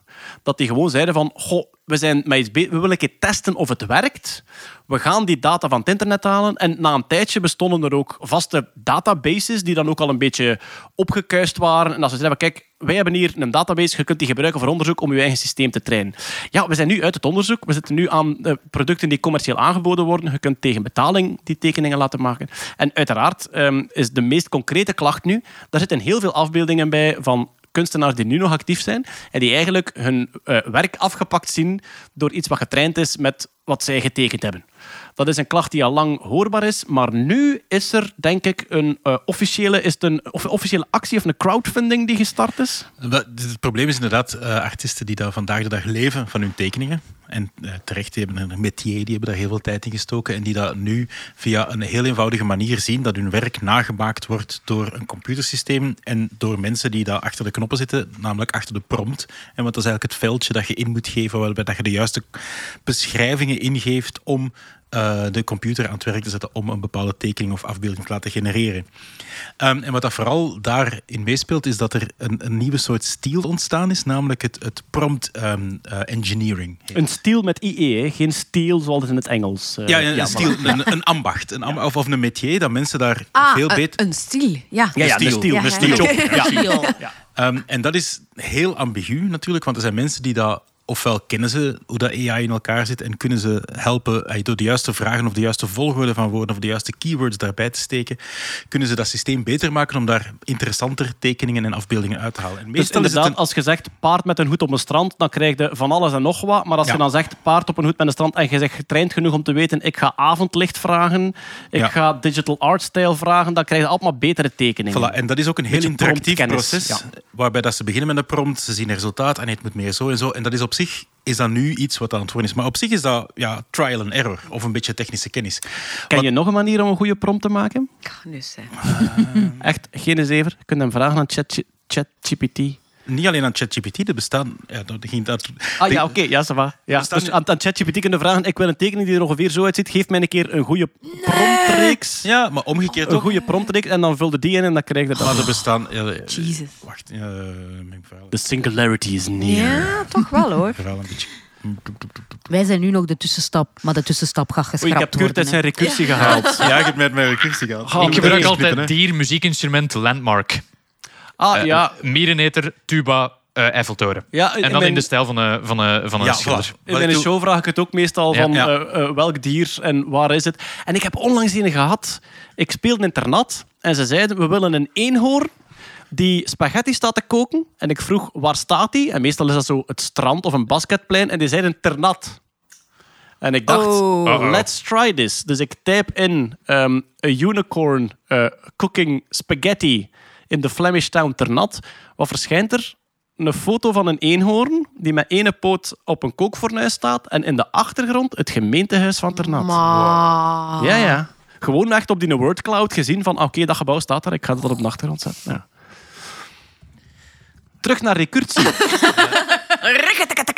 Dus er is, er is een bepaalde stijl aan het, ont- eh, aan het ontstaan van Prompt prompt, engineering. engineering. Er zijn ook websites die, en we zullen die in de show notes zetten, er zijn ook websites waarbij dat je tekeningen en hun prompts naast elkaar kunt zetten.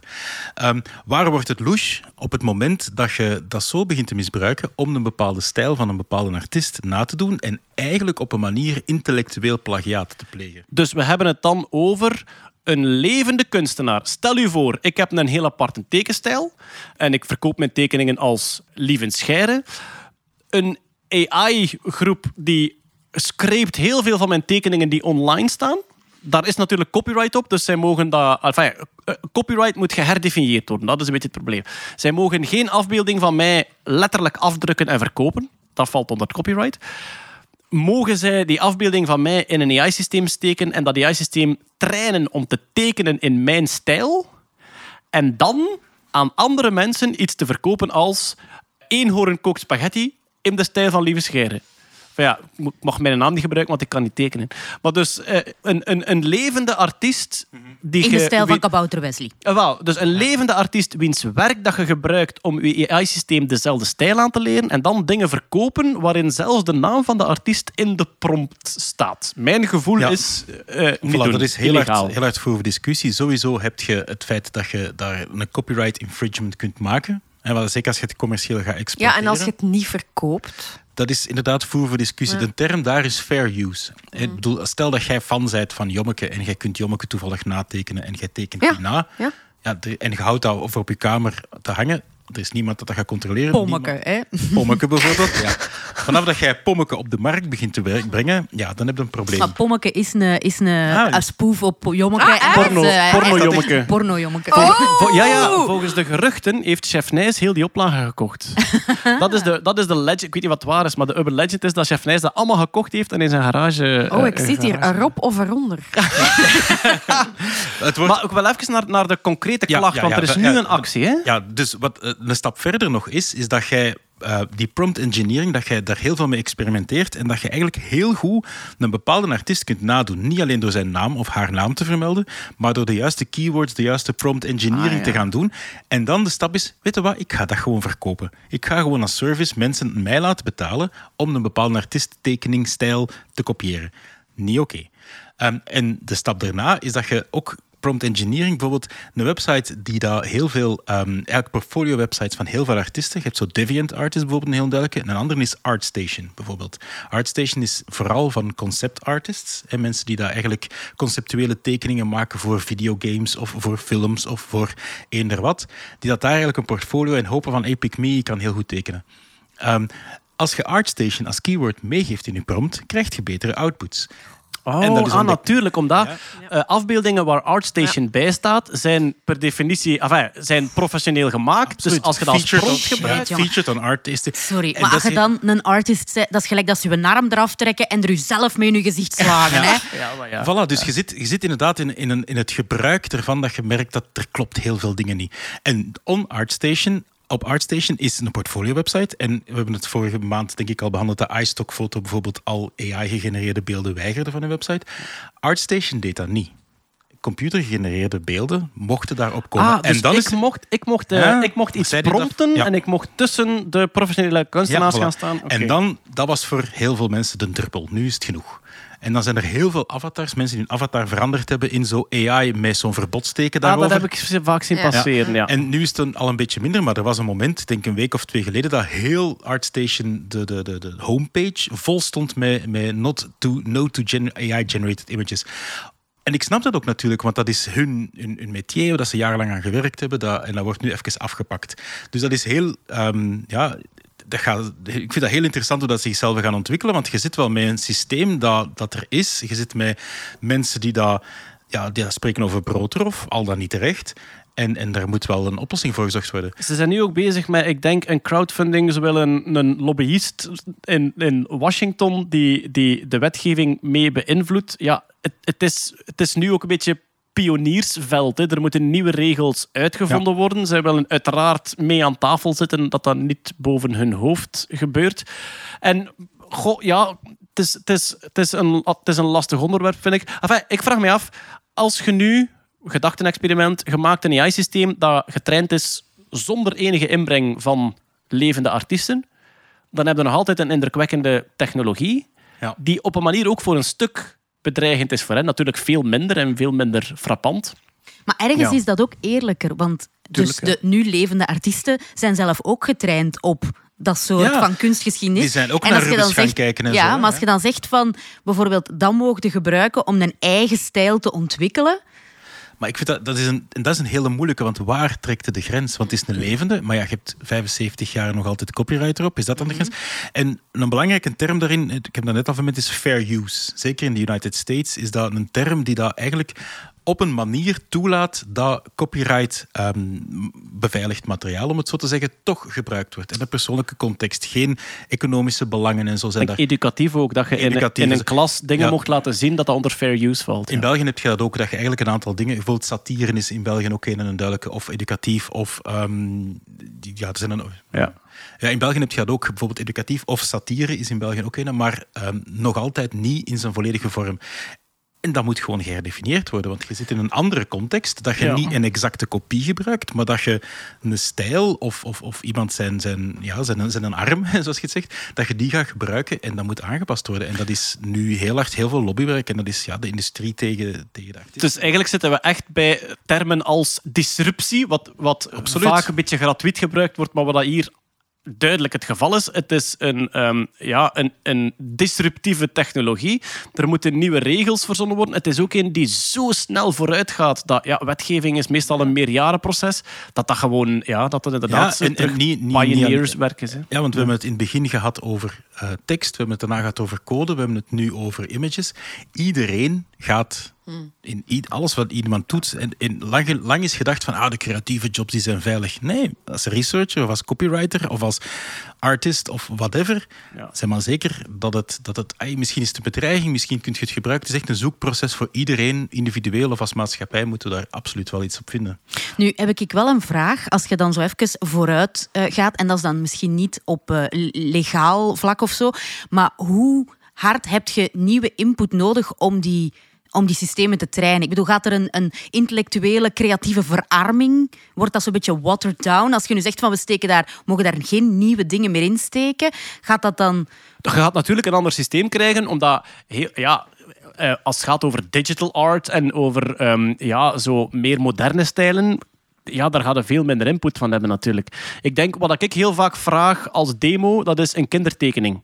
Omdat, dat doet hij ook wel heel tof. Ja, dat zal geen probleem zijn. Hè. Je gaat eh, meer dan genoeg rechtenvrije kindertekeningen vinden, waarvan de kinderen geen enkel probleem mee hebben dat dat, dat, dat eh, Je, je ziet zelfs al dat elk van die aparte projecten, DALI, Midjourney, eh dingen, Stable Diffusion, dat die ook door artiesten gebruikt worden. Ah, als je er een dromerig fantasy-ding eh, wilt, dan is die daar goed in. Dus ik denk dat het trainingsproces en de, de inputdata, dat die ook een beetje de smoel van het... het allee, de smoel, de stijl van, Ja. van het, Ah, van wel, het ding beïnvloeden. En inderdaad, dat er wel het een gevaar is om een soort van eenheidsworst Want te het ding maken. is toch ja. ook, allee, zeker visuele dingen, je hebt, je hebt stromingen, je hebt modes, je hebt, je hebt trends. Absoluut, je hebt de maatschappij erop gaat reageren Maar ook. Hè? Kan zo'n ding een nieuwe trend ontwikkelen of een Oh, dat is- nieuwe dat is een- stijl? dat is een moeilijke vraag. een moeilijke omdat eh, er werd heel lang gezegd dat kan per definitie niet, want die remixt gewoon een beetje. De tegenargumenten zijn veel nieuwe stijlen zijn ook een remix. En dan is het, eh, kan, het, eh, kan het los van remixen ook een nieuwe inbreng hebben. En wat merken we, en dat is iets totaal anders, maar het kan misschien een indicatie zijn. Wat merken we bij AI-systemen die spelletjes leren spelen, dus schaken en go, die hebben duidelijk een eigen stijl ontwikkeld, die van niemand afgekeken is. Natuurlijk, het is, het is een, een veel, veel beter afgebakend, veel eh, minder complex iets dan een tekening maken. Maar dus het zou kunnen dat... dat Ze ook, lossen, ja. ze lossen optimalisatieproblemen op een, een manier op die mensen misschien niet, waar mensen misschien niet aan begonnen waren, omdat de manier, kijk naar de, de befaamde zet in AlphaGo, omdat het zo'n out there, totaal Ja. weirde manier is om eraan te beginnen, dat mensen misschien vroeg zeggen van ja nee, dit wordt niks, waar dat zo'n systeem dan wel kan zeggen van ja maar kijk, in het optimalisatieprobleem kom ik zo wel tot een goede oplossing. Nu, heel belangrijk bij die spelletjes is, ehm, goed of fout is een objectief iets wat het programma zelf kan controleren. Heb ik het spel gewonnen of niet?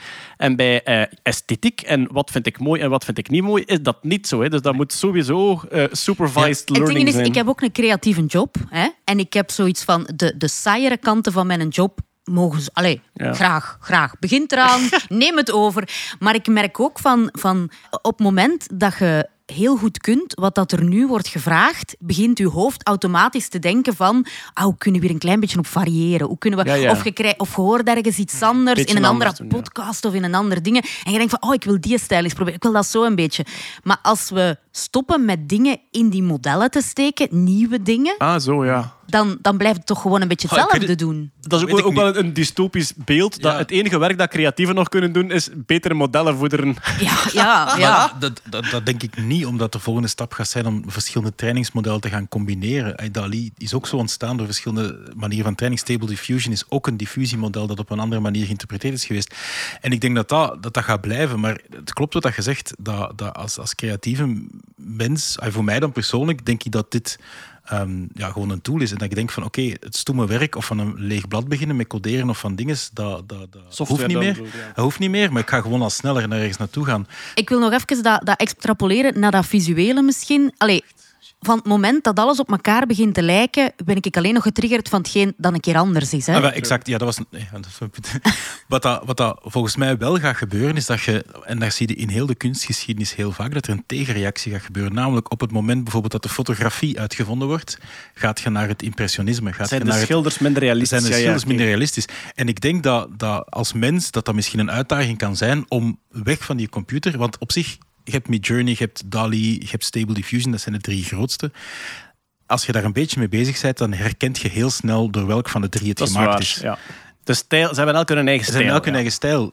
Dus ik denk dat, dat een remix is tegen mixen. Ja. Mogelijk. Wat dat niet wil zeggen dat ik. Dat, dat is geen oordeel dat of het nu goed of goed is. Er zijn problemen die moeten opgelost worden en zo. Maar ik denk dat, het, dat we nog een stap Goh, verder ja, kunnen wel, ik denk dat we kunnen, kunnen zeggen, de, de technologie is indrukwekkend, maar is ook disruptief, waardoor dat het echt wel een impact heeft op eh, mensen hun leven. Ehm, maar het gaat zo rap. Die, die image generation is eigenlijk gloednieuw. En er wordt elke maand op gevarieerd. Waar dat, waar dat, staat over een jaar, dat, daar kun je zelfs niet aan beginnen om dat in te schatten. En ondertussen moeten we wetgeving verzinnen die ons... We hebben nog geen wetgeving die, ons, ehm, die het huidige, de huidige situatie goed regelt. En over een jaar gaat de wereld er weer totaal anders uitzien. Dus het is... eh enfin ja, ehm, we gaan het blijven volgen. Misschien moet AI de wetgeving. Oh. AI die wetgeving schrijft. Ik denk dat er al mee geëxperimenteerd is. AI die wetgeving schrijft. Maar goed, en dan ik denk kunnen dat ze ook daar zichzelf... de bias redelijk duidelijk was. Ja, voilà. dan kunnen ze zichzelf beschermen. Goed, een beetje serieuzer nieuws. Jeroen, de Big Nose-hypothese is eh, ehm, aangetoond of is een Hadden indicatie... jullie al gehoord over Big Nose, Big Hose? Eh, nee, ik heb, ik heb wel... Ja, in het Nederlands zeggen ze... ehm, eh, als je naar de neus kijkt, dan weet je alles over de man zijn dingelingdong. Ik dacht Ah, dat ja. dat de voeten waren. Maar ik De ben- handen wordt ook Ja, ik, gezegd. ik was ook dus, aan het denken eh, van grote neus, grote, maar ik vond Ik geen dacht dat je echt bedoelde grote vrouwen, als in big Nee, nee, nose, big ja. hose. Dus dan zal ik maar zeggen, volkswijsheid, als je een grote, een grote neus hebt, heb je ook een grote piemel. Nu hebben mensen aan de Kyoto Prefectural University of Medicine hebben tussen april 2015 en maart 2019 hebben dat bestudeerd bij lijken.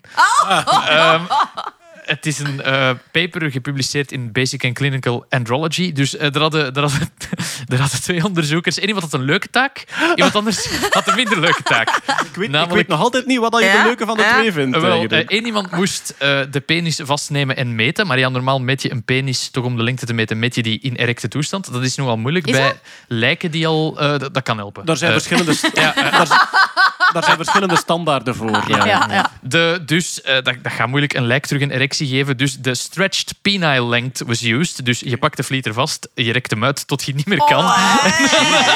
En, Eh, iemand an- en iemand anders moest de neuzen van de, van de, eh, de lijken, de lijken meten. gaat. zeg maar, blijft uw neus en uw oren blijven die niet groeien als je Ja, ouder wordt? ja. Nee, nee, nee, nee, dat is je vel dat samentrekt, waardoor het lijkt dat het groter is. Een andere, Nee, is een andere de opmerking dood, die ik online las, is van... Ja, nou, eh, dat het waar het lijken. Hè. Sommige mensen hebben showers, sommige mensen hebben growers. Dus sommige mensen hebben een penis die eh, zeer hard eh, verschilt. De bloedlul en de bloed, ah, voilà. De bloedpenis werd in dit onderzoek niet naar waarde geschat. Ah, eh, dus, is en dat, is dan een, een piemel die in niet-erecte toestand redelijk klein is en die, die wel significant toeneemt. En de, de vlieslul die is dus ook al groot in slappe toestand. Ehm, Resultaat van het onderzoek, ze vinden een correlatie. En daaruit zouden ze voorzichtig durven eh, concluderen dat eh, dus penislengte ehm, niet wordt bepaald door leeftijd, hoogte of eh, lichaamsgewicht, maar dat het eigenlijk al beslist is voor geboorte. Alleen beslist vast ligt. dat was al. Dat was al, dat was al Dus dat inderdaad. zit in uw DNA. Dus als we Wel, die markers zover, vinden... Zover willen ze niet gaan. Ehm, eh, ze vonden nog een andere correlatie, maar die was zwakker tussen uw neusgrootte en eh, de grootte van het gewicht van uw ballen. Ehm, d- d- dat, was de correlatie in de zwak. Nu, ik heb mijn vragen bij dit onderzoek. Het is een Amai, beetje, public, ook, beetje publication bias ook. Media bias, media Ja, bias. inderdaad. Grote neus, grote, eh, grote, grote penis. Je zou dan ook automatisch kunnen denken, ja, eh, grote mensen hebben Ja, proportioneel voilà. een Ah, ja. grotere neus. Allee, bedoel, dus, en dus, dus- Dus zal ik, eens, zal ik eens zeggen wat ik denk, Jeroen? Ik denk dat dit een zeer uitgewerkte... Nee, ik denk dat dit een ehm, zeer uitgewerkt excuus is op een nachtelijke vraag. En wat zijn jullie hier aan het doen? Maar, maar, nee, maar, maar, maar, nee, nee, we, schrijven, we schrijven een paper. We schrijven een paper. En dan moesten ze wel. Ja. Dus dat is, dat is mijn vermoeden. Maar goed. Een ander ding dat je tegen het onderzoek kan inwerpen is... Het is natuurlijk enkel bij eh, Japanse eh, l- kadavers voilà. uitgewerkt. Dus daar Ja. zit je ook met een hele hoop etnische... ik dacht dat eh, je ging zeggen, het was alleen bij mannen. Maar ja, oké. Ook waar. Ja, All right. Ja, geen correlatie bij vrouwen. anders Gek. is het... Wacht, ze Ja. Diepe neusgaten. Nee.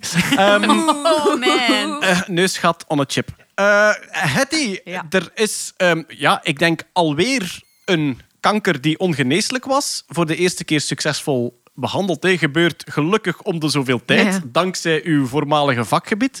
Eh, wat is er nu concreet gebeurd? Met CRISPR ook weer. hè. Het was een meisje van 13 jaar met eh, leukemie. eh, alle standaardtherapieën geprobeerd. Eh, enige optie was in feite nog palliatieve zorg. Totdat ja, toch overeengekomen is met de familie van kunnen en mogen we iets zeer experimenteel proberen. Ehm, nu, ik ga misschien, om, om dat te duiden wat er hier gebeurd is, even terug naar een, een andere therapie die nu volop in ontwikkeling is. Dat is de CAR-T-celtherapie. Waarbij dat ze eigenlijk T-cellen uit het lichaam nemen van de zieke persoon. Die met genetische modificatie een beetje wijzigen. Dat kan CRISPR zijn, dat kan iets anders zijn. Ze wijzigen die in die zin dat die cellen eigenlijk actief op zoek gaan naar de kwaadaardige tumorcellen. Die gaan aanvallen, die gaan afdoden. Ehm, en dan dus spuiten ze die terug in. En dat werkt dan bij bepaalde personen. Maar dat is super duur, omdat dat natuurlijk gigantisch gepersonaliseerd is. Dat werkt ook niet bij iedereen. Dus de grote droom, de grote heilige graal is een beetje van ja, het zou toch tof zijn dat we die T-cellen gewoon van de plank zouden moeten nemen. Dat die van een standaard gewoon donormens zouden komen. eh, die dan bewerkt zijn. Maar het grote probleem daar is natuurlijk afstoting. Ja. Als je dat neemt van een, een onverwant individu, ja, de kans dat dat afgestoten wordt is zeer groot. Dus om die, die cellen die je gewoon van, van het potje, uit het potje zou kunnen nemen, om die toe te dienen aan een ziek persoon, moet je eigenlijk een vier of vijftal genetische wijzigingen doen. En dat is zelfs met CRISPR zeer riskant, omdat ah ja, als je vier of vijf keer moet knippen in een genoom, die cel overleeft dan normaal gezien niet. Maar er is een nieuwe versie of een nieuwe variant van CRISPR die niet meer knipt en plakt, maar die, dat heet base editing, die wel het helemaal hetzelfde doet. Hij gaat op zoek naar waar moet ik hier eh, gaan zitten, maar die dan niet knipt, maar die dan gewoon het, het eh, bazenpaardje verandert. Allee, de Dus letterlijk- een letterlijke- Letterlijke, ja, letterlijke verzetten. Ja, Allee. inderdaad. Dus ja, die, die bazen zijn ook maar combinaties van koolstof en zuurstof en stikstof. Door daar ja, iets te veranderen, de koolstof te veranderen in een stikstof, krijg je ook een andere letter van je DNA. Ah, dus Maar- het is zelf dat, dat ze niet het, het volledige bazen eruit halen. en Het is echt Ja. de bazen zelf een beetje chemisch veranderen dat van een A een C wordt. ja, Zot. Ja, ja, ja. Oh, dus het volgende boek van u wordt te veranderde gene. Want dat is niet, er, wordt niet, er wordt meer geknipt. Ja. Ja, het, is niet meer knippen en plakken, het is eigenlijk typex. Heel Ja, gerichte typex en iets nieuws schrijven. Ja. Ja. Base editing staat ook al in mijn, in mijn boek. Maar ja, het is maf dat het nu... Allee, als je zegt, AI gaat snel, maar dit gaat minstens even snel. En de wetgeving is daar ook soms... eh, ja, dat weet ik ook al vaak besproken. Ja, maar ik ben klaar met die eh, DNA-show, dus we gaan nu vooral zeggen dat AI heel snel waar, gaat. Het is waar, Ja. het is waar. Maar heel ferm eh, dat dat gelukt is. Hè. Oké. Eh, dat meisje was ten dode opgeschreven, maar voorlopig gaat alles goed. En Wauw, dat is... eh, ja. Er zijn regelmatig mensen die mij mailen, en dat vind ik, vind ik altijd heel moeilijk om op te antwoorden. Meestal zeg ik gewoon, want ik kan hier niet bij helpen. ehm, die een familielid hebben of iemand die, die hier aan kanker lijdt in België. En die dat basically zeggen van, ik hoor het hier zo vaak in de podcast over experimentele shit praten. Wij willen meteen die experimentele shit, waar tekenen we ons in nu? Ja. En ik weet nooit wat, dat ik, wat ik daarop moet Nee, antwoorden. dat is, dat is heel moeilijk. Ah, Kunnen wij ook niks Nee, mee. je allee, ja. moet aan je arts vragen. En heel vaak zijn dat helaas experimenten met vier of vijf of één patiënt in Ja. de Verenigde Staten of in het Verenigd Koninkrijk. De, het enige advies dat ik geef, praat met uw arts Ja. daarover. Er is Ja. geen experimenteel labo hier in België waar je kunt zeggen van hoi hoi, kanker, Ja. doe your things. Nee, nee, maar er zijn artsen verbonden. Allee, als Ja. ik mijn doctoraat deed, was dat ook. Maar goed, je moet al... Allee, die, Ja. die trials zijn al... Je moet in die leeftijdscategorie eh, dat verleden, die therapieën moeten gefaald hebben. Dat is Allee, de- dat ja. is... Die testen worden gedaan Tuurlijk, op heel ja. specifieke gevallen en die zijn niet, die zijn niet Nee. publiek Er is geen geheime manier om... In die, ik wil gewoon de mensen die daarover Nee. mailen geruststellen. Ik vind altijd heel pijnlijke mails, maar inderdaad, praat met uw arts is de beste raad. eh. Wij, wij praten over onderzoeken. Wij zitten zelf Nee, niet aan de god, knoppen nee. van wie meer. daar... eh, eh, ja, niet meer, inderdaad. Goed. Oké, ehm, dan ja, eh, IDA's-lijstjes, Els. We vinden ze overal, maar jij hebt een jaarlijks terugkerende klassieker. Ja, ja, ja. Wat is er in spoeddiensten in Amerika over heel de wereld? Het is in Amerika. Het is in Amerika. Wat is er in Amerikaanse spoeddiensten allemaal binnengekomen dat mensen in hun poep hadden gestopt? Mag, mag ik nu even? En de aarslijstjes. Oh, mooi. Door Mooi, mooi. Els Take, Aars. take it away, Els. Els, Els aars. Ja. Vroeger op speelplaats hadden daarvoor de grond gegeven. Hallo. Ik ben Jeroen Baart. Wat denk je dat ik op de speelplaats gedaan heb? Grond gegeten. Baars. Is dat goed? Jeroen Baart, net als een moppen. Goed, ehm, Enfin, het gaat dus niet alleen over de poep. Het gaat over alle lichaamsopeningen. Maar alle oninteressante openingen gaan we even eh, zeggen van... Mopjes zijn keileuk, lichtjes overal insteken, super tof. Maar denk voordat je ze erin steekt, dat ze er ook nog terug moeten uitkomen. Voilà. Oké. Op naar de poep. Ah, mijn favoriete opening. Even disclaimer op voorhand. Als je graag dingen in je poep steekt, you do you. Absoluut, No judgment. Absoluut. Absoluut niet. Maar als je daar action figures in steekt, denk er dan op voorhand aan dat niet alle onderdelen vastzitten. een He-Man. Ah, ja. Zo'n Ja. He-Man die kan bewegen en die kan slaan met zijn hand. Ja, ja, voilà. Er zit een rekkerken in. En daar Ja. kan Waar niet is dat schildje van die ridder? Dat, Ja, dat ja, probleem. voilà. Ja. Of die ja. kop. Kop, ja. Bijvoorbeeld, ja. Wat ik een hele, een hele speciale vond, wat ik echt, echt van denk, hoe doe je dat praktisch? Een fist-size waterballoon. Een waterbal. Een waterbal. Denk aan de consistentie en denk dan... Allee, dat, is, dat is geen poort die je open doet of zo. Allee, Erin en dan opblazen? Ah ja, ik, inderdaad. Ja, nee, maar- oh, die er eerst... Ah ja, en oh, dan dat water. En Water, ja. Nee, maar een waterballon kun je toch door een klein gaatje duwen, omdat die, ah ja, omdat die dik is aan de ene kant en dan dunner wordt en dan dik Ja, wordt maar aan de het andere is niet dat kant. er daar een ruimte achter is die, die, die geen spieren heeft of zo. Hè? Nee, ja, dat is waar. Maar als dat getraind Ik is... denk dat dat volharding is. Ja. En, dan denk ik ook, en dan denk ik ook, wat gebeurt er dat je die daar niet meer uit krijgt? Want Ja. met een simpele naald moet dat toch op te lossen zijn? Ja, je steekt dat niet zo graag in die poppen. Ik weet niet, als je daar al waterballonnen in aan het steken. Die knal. Nog ene waar dat ik mij visuele vragen bij stel, is een fishing pole. Wat is dat? Een, Een vis- hengel. Een vishengel. Een hengel. En Maar welke voor- kant dan? Vooral, denkt u een keer aan, je werkt op de spoed die avond. Hoe komt die mens binnen? Hangt de rest daar nog aan wat in een hengel bedoelt? Je Ja, ja. je van Ligt hij op, is- ligt op zijn buik? Kan hij nog wandelen? Ja, maar- Komt dat zo achter u aan? Als er een telescoop is, is, kunnen die niet opvouwen. Voilà, dus, ja. Dus Maar dan, ik denk- ik dus denk dan komt hij eerder- zo met, met, met zo'n beetje raar wandelend binnen. En je dan gaat liggen en dan dan een ineens... Ja. Ik denk eerder dat hij zo zijn hengelhouder vergeten was en een weddenschap verloren had. Ah, dan ja. dan eh, Willy op haar knieën. Zeebaar, ze aars. Sorry, ja. Oh. In mijn, in mijn kop hangt daar nog een vis aan. Ook, weet je. We zijn toch aan het verzinnen.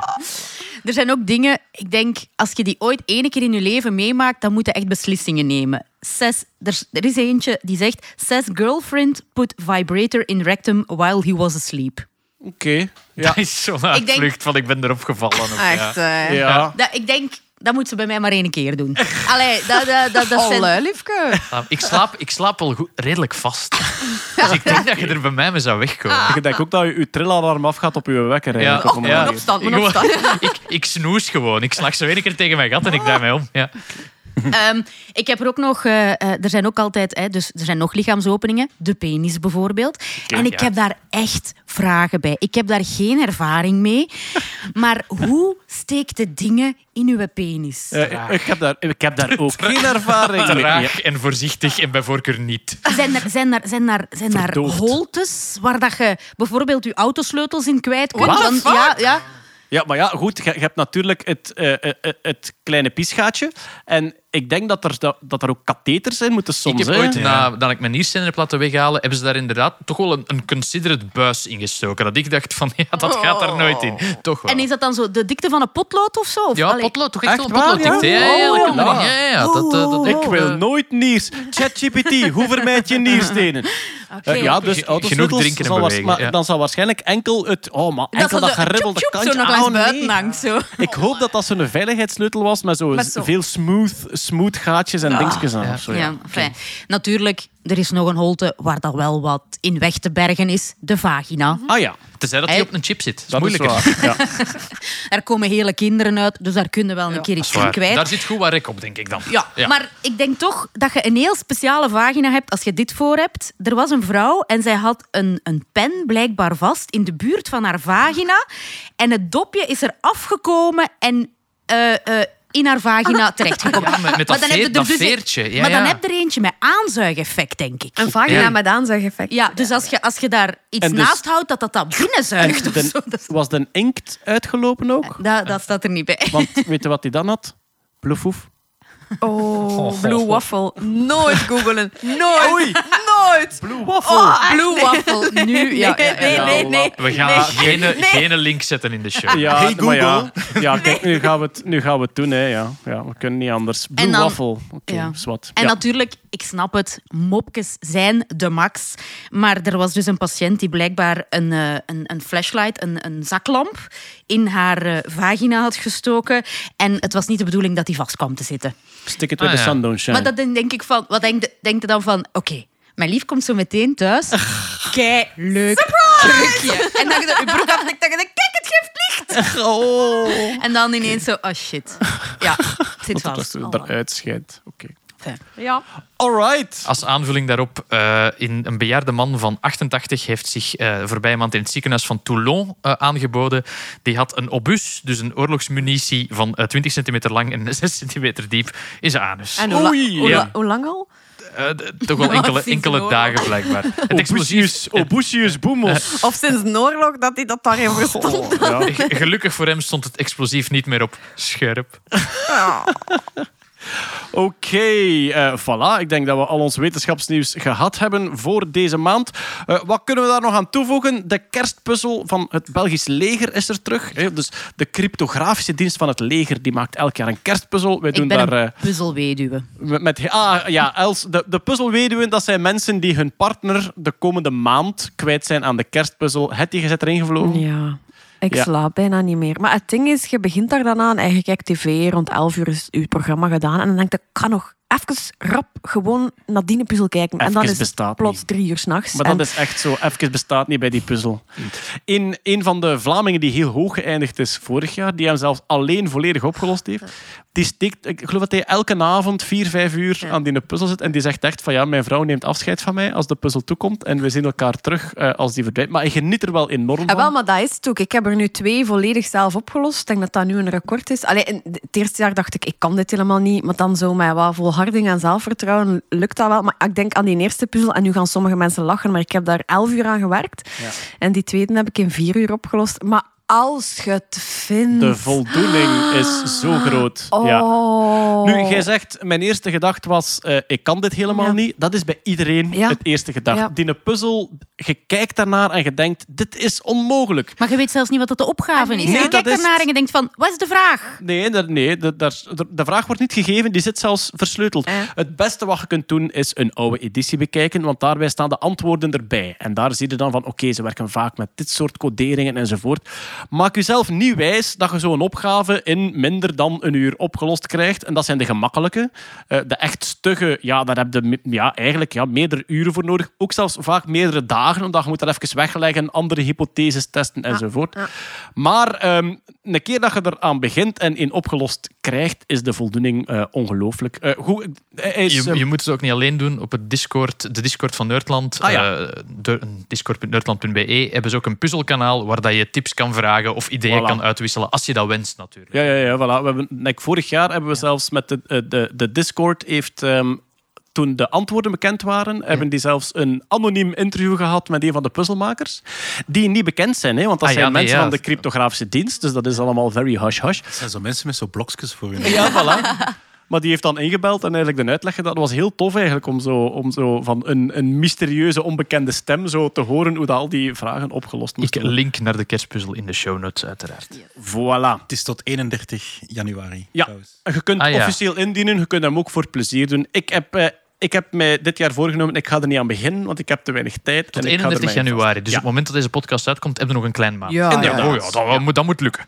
Maar echt waar, als je, als je er nog nooit iets van gezien hebt, opent eerst een oude en lost die op. In Nederland hebben ze ook een eh jongereneditie. Ja, dat is tof. De Junior Edition. En pas op, ik dacht bij mezelf, goh, ik heb weinig tijd. Ik ga die pakken. Ik ga rap die Junior Edition doen. Niets van, hè. Ik bedoel, het, eh, het is ook iets waar je op moet werken en op moet coderen en, eh, en gelijk wat. Oké, wat hebben we nog te melden? Een paar dingen uit eigen huis. Eh, onze scheurkalender is denk ik uitverkocht. Nog niet overal, maar het Ah, ja. scheelt niet veel. Voilà, Ja. scheurkalender 2023. Maar onze eh, superfans, die ook nerds en makers zijn, eh, die hebben daar een eh, ophangdingetje voor gemaakt.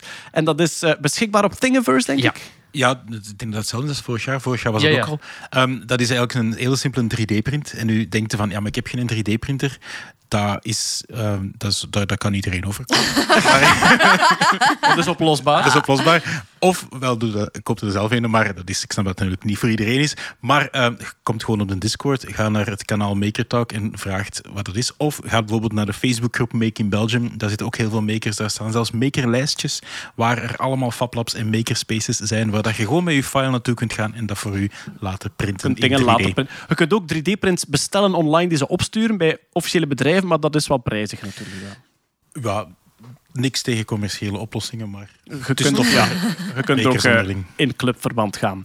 Het Nerdland Festival, we hebben vorige keer al een oproep gedaan voor eh, ideeën. Hoe verloopt dat juist? Dus als je zegt van ik heb een toffe taak of ik heb daar iets goed gezien dat goed zou staan op het Nerdland Festival, hoe, hoe, hoe dient je een idee in? Op nerdlandfestival.be en dan hebben we een heel formulier. Kun je de keuze maken tussen ah, ik heb iets gezien als toeschouwer en ik vind dat dat daar wel zou passen. Of ik heb zelf een idee als onderzoeker of als nerd of als gepassioneerd. En man, er zijn al goede dingen Is echt, ja?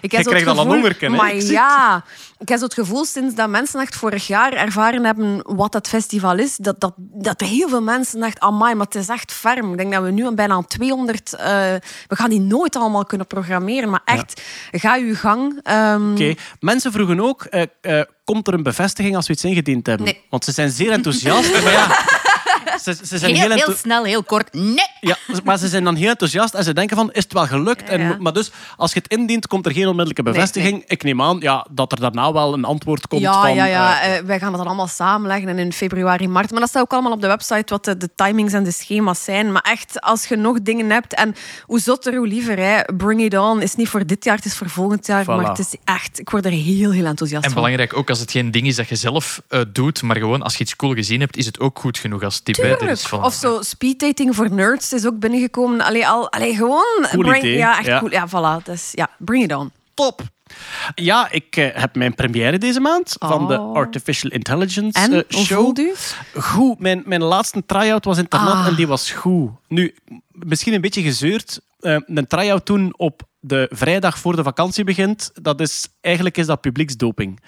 Een, een publiek zit echt enthousiaster op vrijdagavond en nog meer op vri- vakantie is. Echt waar. Dus goed, maar ik had, ik had chance en ging heel goed, ook dank aan het publiek internat, hè, om daar geweest te zijn en om enthousiast te zijn. Dus ik heb nu een, een, een goed gevoel. Ik heb nog een paar try-outs staan en dan première 19 en 20 januari in Antwerpen.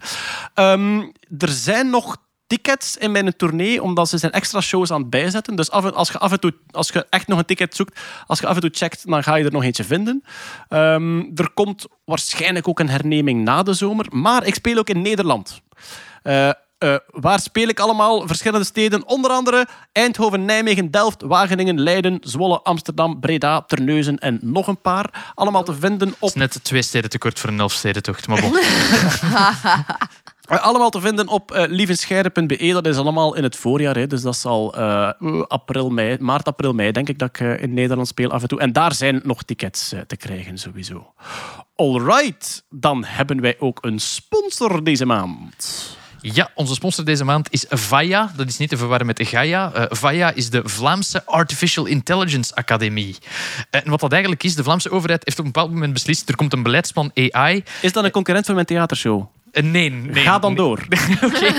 Vlaamse, regering, Vlaamse overheid heeft op een bepaald moment beslist, we gaan AI meer in de kijker zetten. En VAIA is een van de organisaties dat dat doet. Het is eigenlijk een samenwerking tussen alle universiteiten en hogescholen in Vlaanderen. eh, Te veel om op te noemen. En die organisatie bestaat om mensen te laten bijleren over AI. En wat dat zij doen, is zij kijken in het opleidingsaanbod over heel Vlaanderen. eh, van beginner tot specialist. Dus je kunt een postdoc zoeken in AI, maar je kunt ook gewoon een ge- geïnteresseerde man uit de straat zijn die het wil bijleren over AI. En op de site van VAIA, vaia.be, V-A-I-A.be, eh, vind je eigenlijk een, een overzicht van alle opleidingen die je in Vlaanderen kan volgen, wat dat je moet doen om je daarvoor in te schrijven, om iets bij te leren over AI. Eh, Wel, ik ga ze gewoon in mijn voorstelling steken, omdat het een vraag is die ik constant krijg. Hè, Dus Ah, ja. mijn, mijn, mijn voorstelling is ehm, voor het brede publiek een soort eh, intro.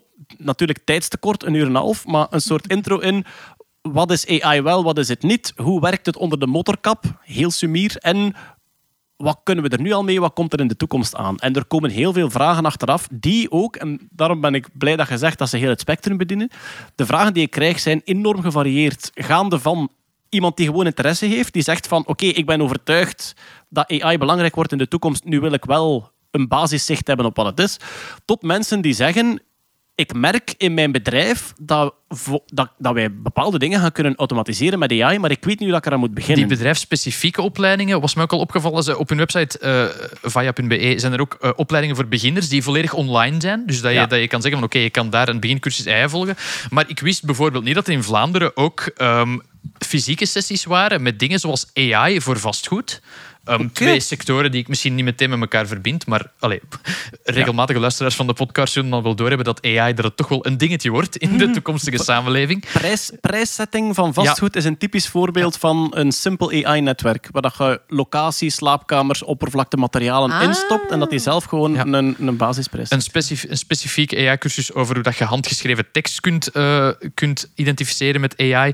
Eh, dat is aan de, de VUB, Odyssee Hogeschool. Dus eigenlijk het o- opleidingsaanbod van alle mogelijke instituten zit daarin. En ze hebben een overzichtelijke website om het na te kijken. Dat eigenlijk om zoveel mogelijk mensen in aanraking te brengen met AI. Dus echt van beginner tot specialist die zich wil bijscholen.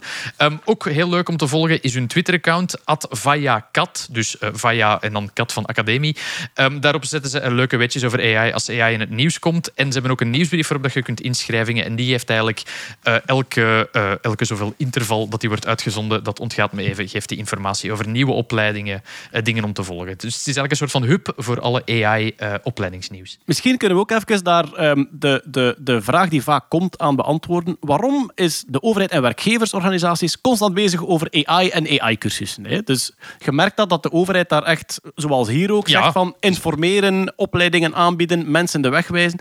Ehm, als je naar een Unizo-evenement gaat, is de kans groot dat daar een AI-talk in zit.